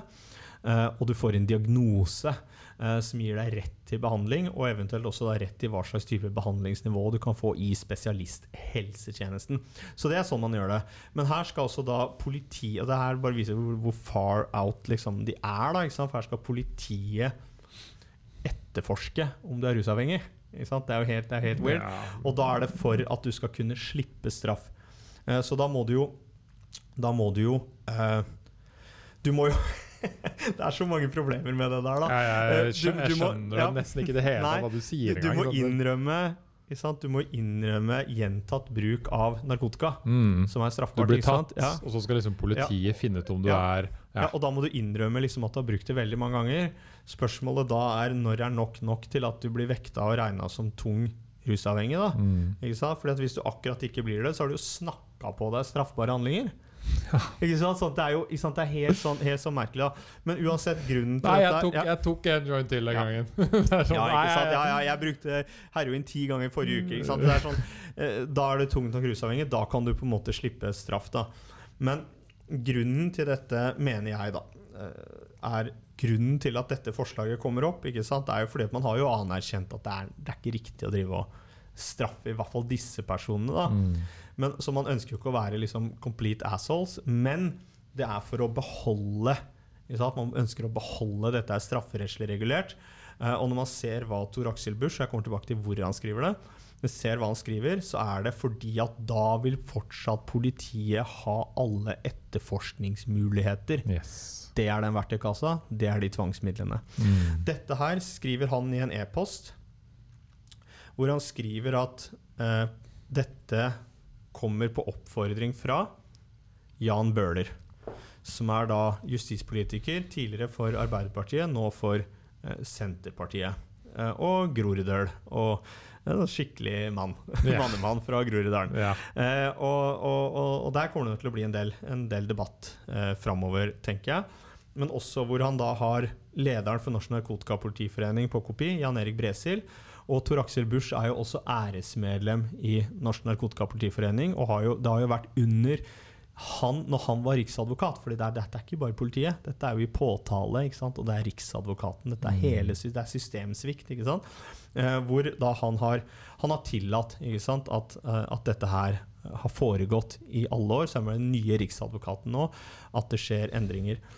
Eh, og så videresender han denne da modellen og forslaget og begrunnelsen til hvorfor til Terje Nybø, som er da leder for Spesialenheten. ja. Ikke sant? Og det er, de som skal, det er der du skal klage inn hvis politiet har brutt. Ikke sant? Politiet har brukt tvangsmidler Mm. altså uforholdsmessig. Politiet har brutt, brutt lovene, ikke sant? gjort ting feil. Den blir sendt til hans private e-postadresse. Jeg, jeg lurer på hvorfor dette er enda ikke har vært en stor, en stor mediesak. Det kan også nevnes at Narkotwitter har på en måte diskutert dette her lenge. Eh, og, eh, og gått også tilbake liksom, i Twitter-historikken til Nybø. Og du finner masse flammende forsvar av Jan Erik Bresil og hans fagkunnskap osv. Den type støtte til Norsk Narkotikapolitiforening. Uansett, Tor Aksel Busch orienterte, involverte, underretta da lederen for Spesialenheten om denne modellen, som vil gjøre at man kan beholde de, eh, de virkemidlene. Også etter at Riksadvokaten har sagt at det ikke er lov. Dette er lederen av Spesialenheten, de som skal liksom gjennomgå når politiet bryter det. Mm. Ja. Og så videresendte han det igjen til da lederen for lovavdelingen i, i Justis, i justis, uh, Justisdepartementet. Um, så her har vi på en måte uh, et samrøre da, uh, som begynner å, begynner å bli ganske komplett, egentlig. Det er klart, Tor Axel Busch han er ferdig som riksadvokat. Jan Bøhler er han er politiker. ikke sant? Han må gjøre akkurat som han, han føler for. Han er gitt tilliten uh, gjennom, å, gjennom, å, bli valgt, uh, og det er helt fair, egentlig, Mm. at han gjør det. Jan Erik Bresil er leder for en forening. Det er også helt fair at han sammen med et annet uh, foreningsmedlem forsøker å påvirke politikken, og da sant, allierer seg med Jan Bøhler. Det er greit, det er det samme synspunktet. Hva faen gjorde lederen for Spesialenheten der? Mm. Ikke sant? For jeg vil på en måte at vi må komme oss litt vekk ifra dette bare altså Norsk Narkotikapartiforening og sånn der, hva dette samrøret handler om. Det handler om at det er et, det er et åpenbart et problem med kontroll med politiet. Eh, når det er sagt, så eh, har jo jeg Jeg reagerer jo på altså, så Jan Bøhler sine uttalelser. Både fordi han har en, åpenbart en aversjon mot, mot ny kunnskap. Altså han driter, du kan legge så mange forskningsrapporter du vil på bordet, men du kan ikke Jeg skjønner ikke hva som ikke- går Nei. opp i huet på folk når man ser på forskning, Ja, ja. og så tenker man bare Nei, Nei.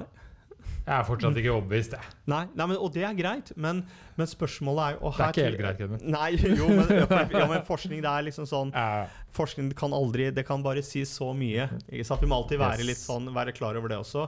Men det handler litt grann om hvor du på en måte prinsipielt står. da ikke sant? I forhold til menneskerettigheter, i forhold til den liberale liksom, rettsstaten osv. Som jeg føler meg jo plutselig som en jævlig konservativ Hva er dette for noe? Hvorfor sitter jeg og diskuterer de tingene her? Liksom, det var ikke det som var, var, ikke det som var meninga, da. Men det er liksom disse rettsstatlige prinsippene, ikke sant.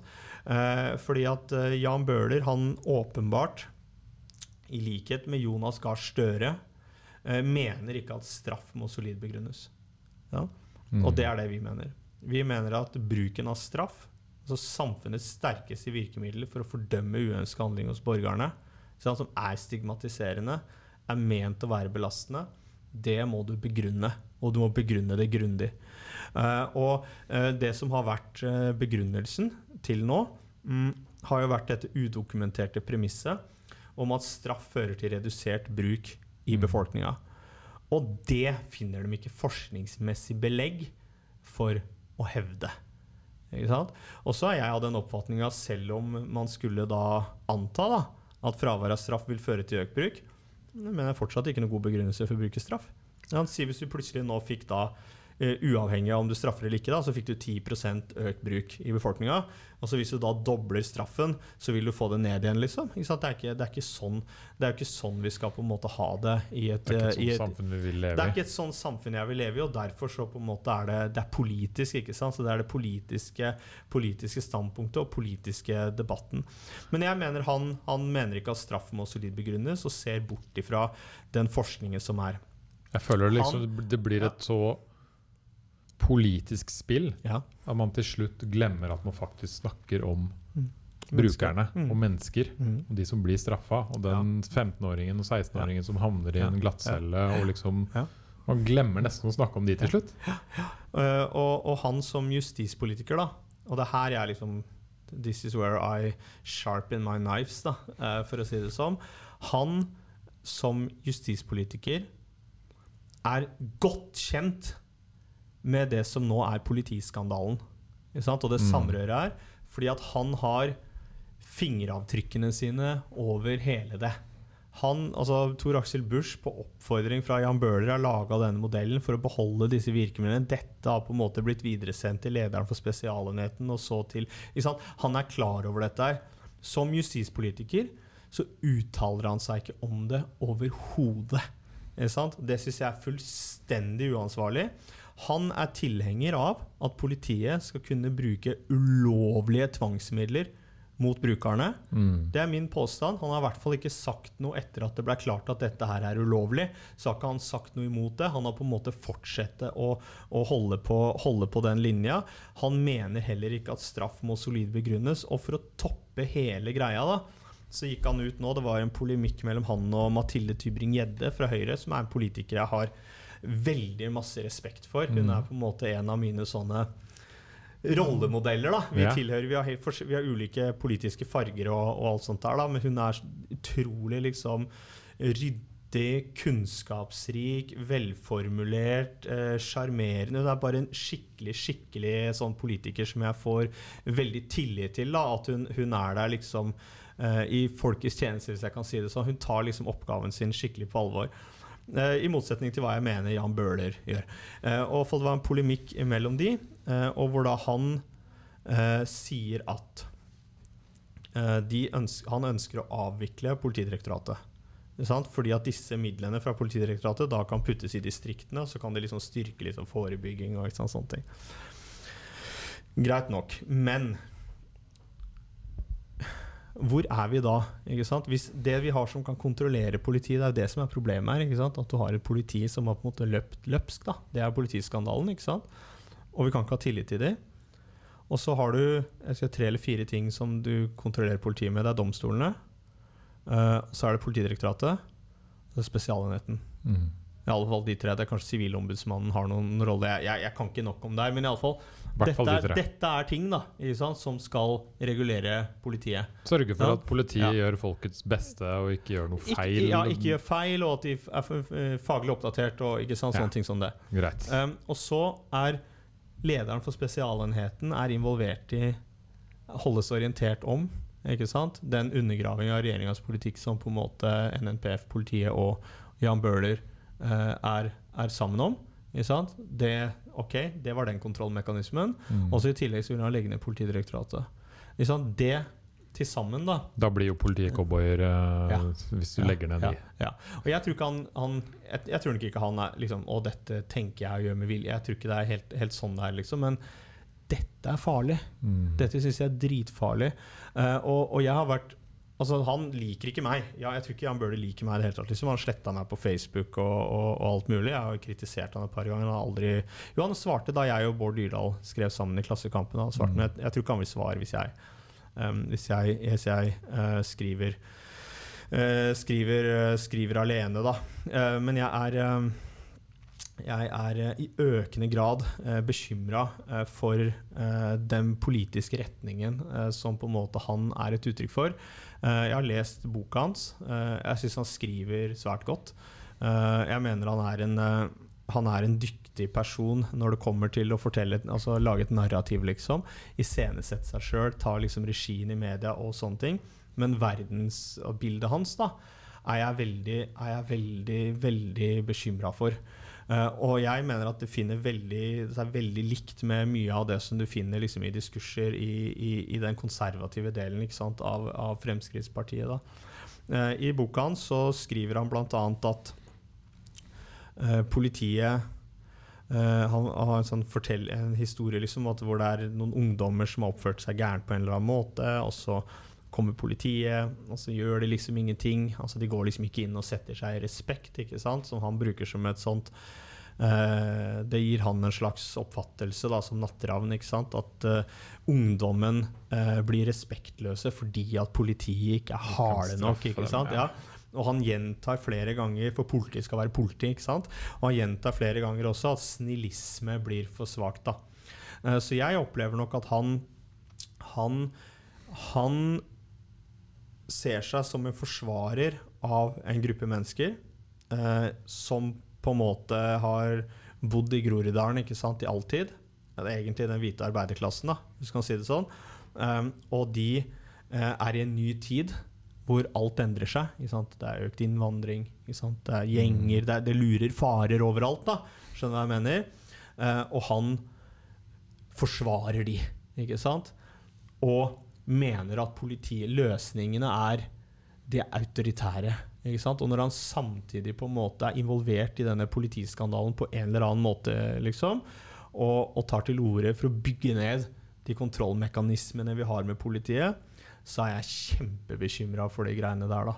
Fordi at det er ungdommene fra de bydelene som han hevder å representere, som systematisk blir straffa mer enn andre ungdom. Som systematisk, hvor politiet åpenbart da ikke sant, har brutt loven, brukt tvangsmidler som er ulovlig mot dem. Det nevner ikke han eh, med ett ord. Ikke med ett ord som justispolitisk eh, talsperson for, for, Senterpartiet, om det er det han så nå er. Nå er jeg ikke sikker, altså iallfall justiskomiteen for, eh, for eh, Senterpartiet. Og det skal jeg ønske at han eh, gikk mer inn i debatten eh, og så dette problemet her også eh, fra den andre siden. For han er en person som, som, har mye makt, han har innflytelse. Eh, han søker regjeringsmakt. Eh, Arbeiderpartiet har valgt å alliere seg med Senterpartiet. Eh, jeg mener at de ligner veldig på Senterpartiet nå, når det mm. kommer til ruspolitikken. Eh, de hadde akkurat det samme forslaget sitt som det Senterpartiet har, eh, som er skrevet av Tor Aksel Busch. De har det nøyaktig samme synspunktet. I tillegg så har de også et vedtak om Det er også et vedtak om eh, at de skal øke finansieringen i politiet til bekjempelse av narkotikakriminalitet. Ja. Sånn at det som vi ser nå Helt motsatt vei, da. Ja, ja, nemlig. nemlig det her er en sånn reaksjonær turn, liksom, som, eh, som nå tilfeldigvis liksom skjer på venstresida. Det handler jo kanskje om at eh, en del fra Fremskrittspartiet har hoppa over til Senterpartiet, sånn at de har egentlig gått litt til venstre i, i noen saker. I hvert fall så har du den der bevegelsen her da, eh, på venstresida som, eh, som jeg er veldig bekymra for. sånn at ja, det er en politisk bevegelse som vi representerer. Den er ganske liberal, den er progressiv. Den handler om menneskerettigheter. Begrense liksom uh, mulighetene for politiet å, å, ta seg til. Altså for staten da, å ta seg til rette. Uh, og særlig sånne morallover og sånne ting som det. er Bort og vekk og ha det bra, egentlig. Og så har du den motsatsen her, da. Uh. Og jeg er veldig sånn Prøver å ikke ha en sånn at det er mange som har en sånn teleologisk tankegang. Da, at de tenker at samfunnet liksom utvikler seg. da, at det går i sånne nivåer, og så blir det på en måte bedre. Uh, men hvis det er én ting som, som, kanskje vi kan uh, altså si, kanskje la oss inspirere av liksom den der litt depressive tidsånden som vi lever i i dag, det er jo at vi tror jo egentlig ikke at ting blir bedre ikke sant, i vår levetid. Vi tror det blir verre. Mm. Uh, så det veit vi ikke, ikke. Det kan gå hvilken som helst vei her. Du kan få en backlash, og så kan det bli verre. Sånn, åpenbart så kan det det. det Har det ikke blitt litt sånn i Sverige? At de har blitt på en måte strengere? Og Danmark òg. Og Danmark. Ja, Spesielt når det kommer til, eh, kommer til innvandring og sånn. ikke sant? Yes. Ja, så det er jo da disse, Og det er den der ideen om at liksom nasjonen og folket er trua. Ikke sant? Den der populismen, da. Mm. Med liksom Du har den dumme, onde eliten, ikke sant? Dumme eller onde eliten som sitter i, som sitter i Oslo og Brussel. Ikke sant? De folka der. Og så har du truslene som på en måte kommer utenfra, som da disse er enten det bare skjer fordi de er dumme, liksom, eller de som er enda mer sånn konspiratorisk verdensbilde, er at de står i ledtog med disse folkene her, da, ikke sant? som f.eks.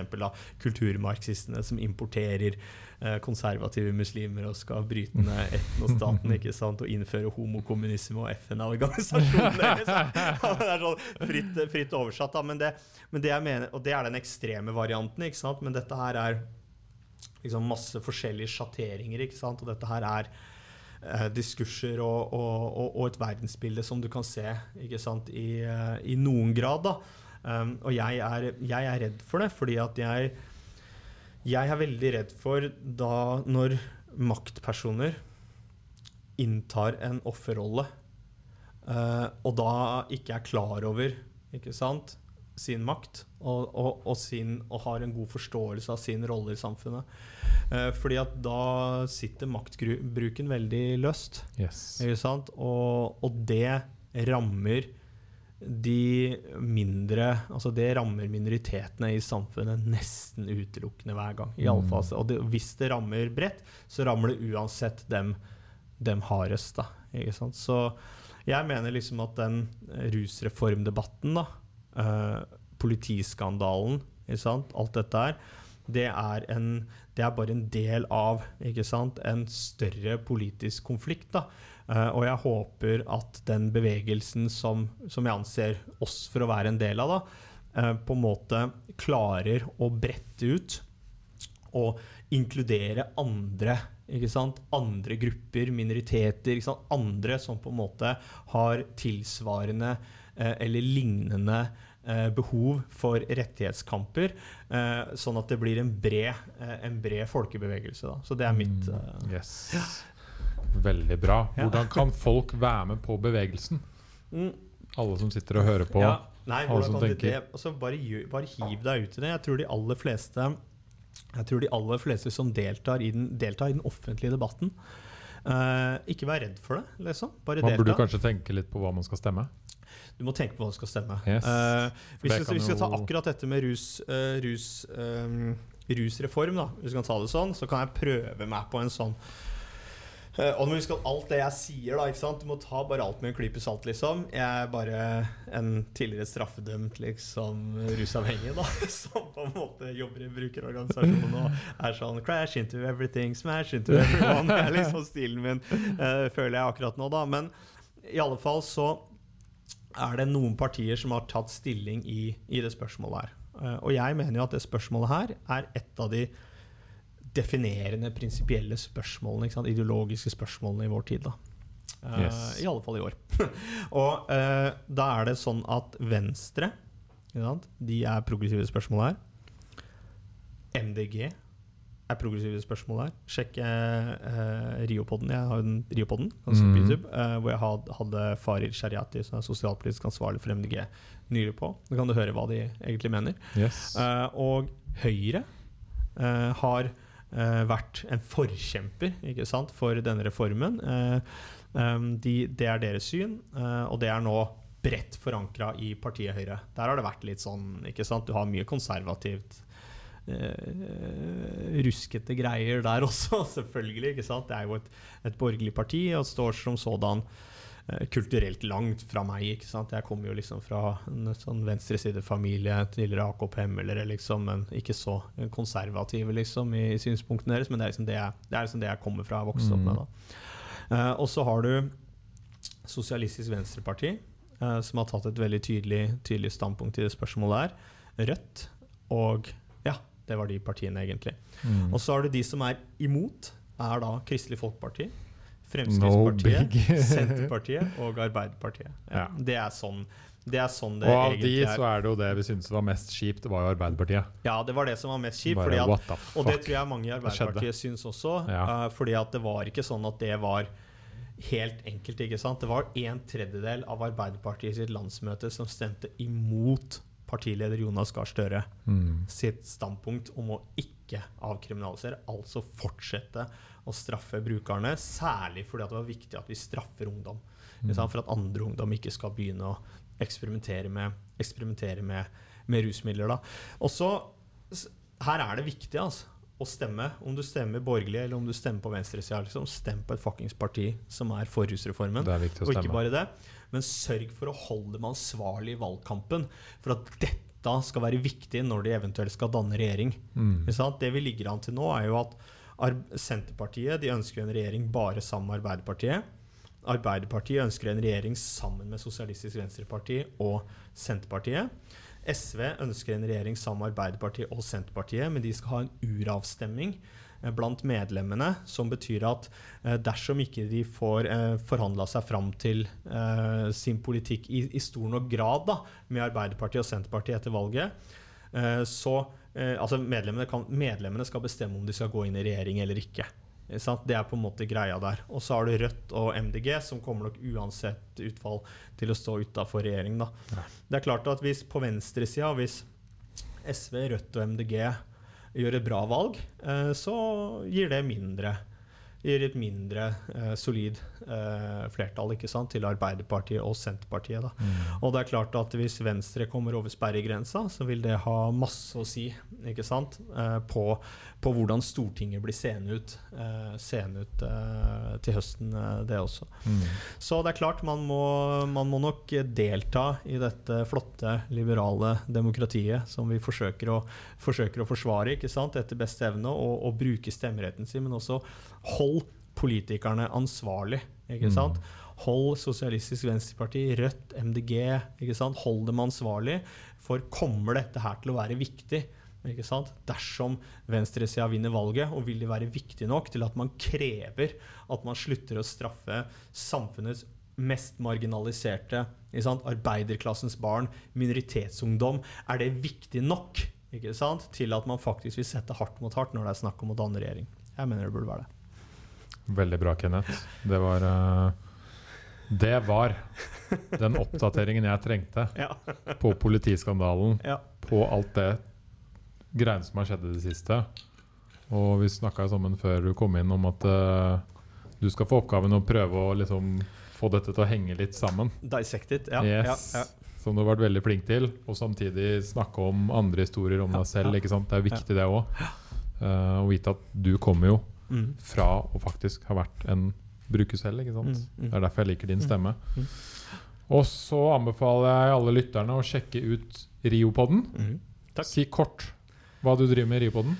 Riopodden, eh, det er egentlig det samme som det du driver med nå, eh, bare at det er sentrert eh, sånn jeg forstår. Så du har en, en sånn approach hvor du snakker med masse folk du syns det er kult å snakke med liksom, om forskjellige, masse forskjellige temaer. Mm. både helse, rus, kunstig intelligens, ikke sant, hva som helst.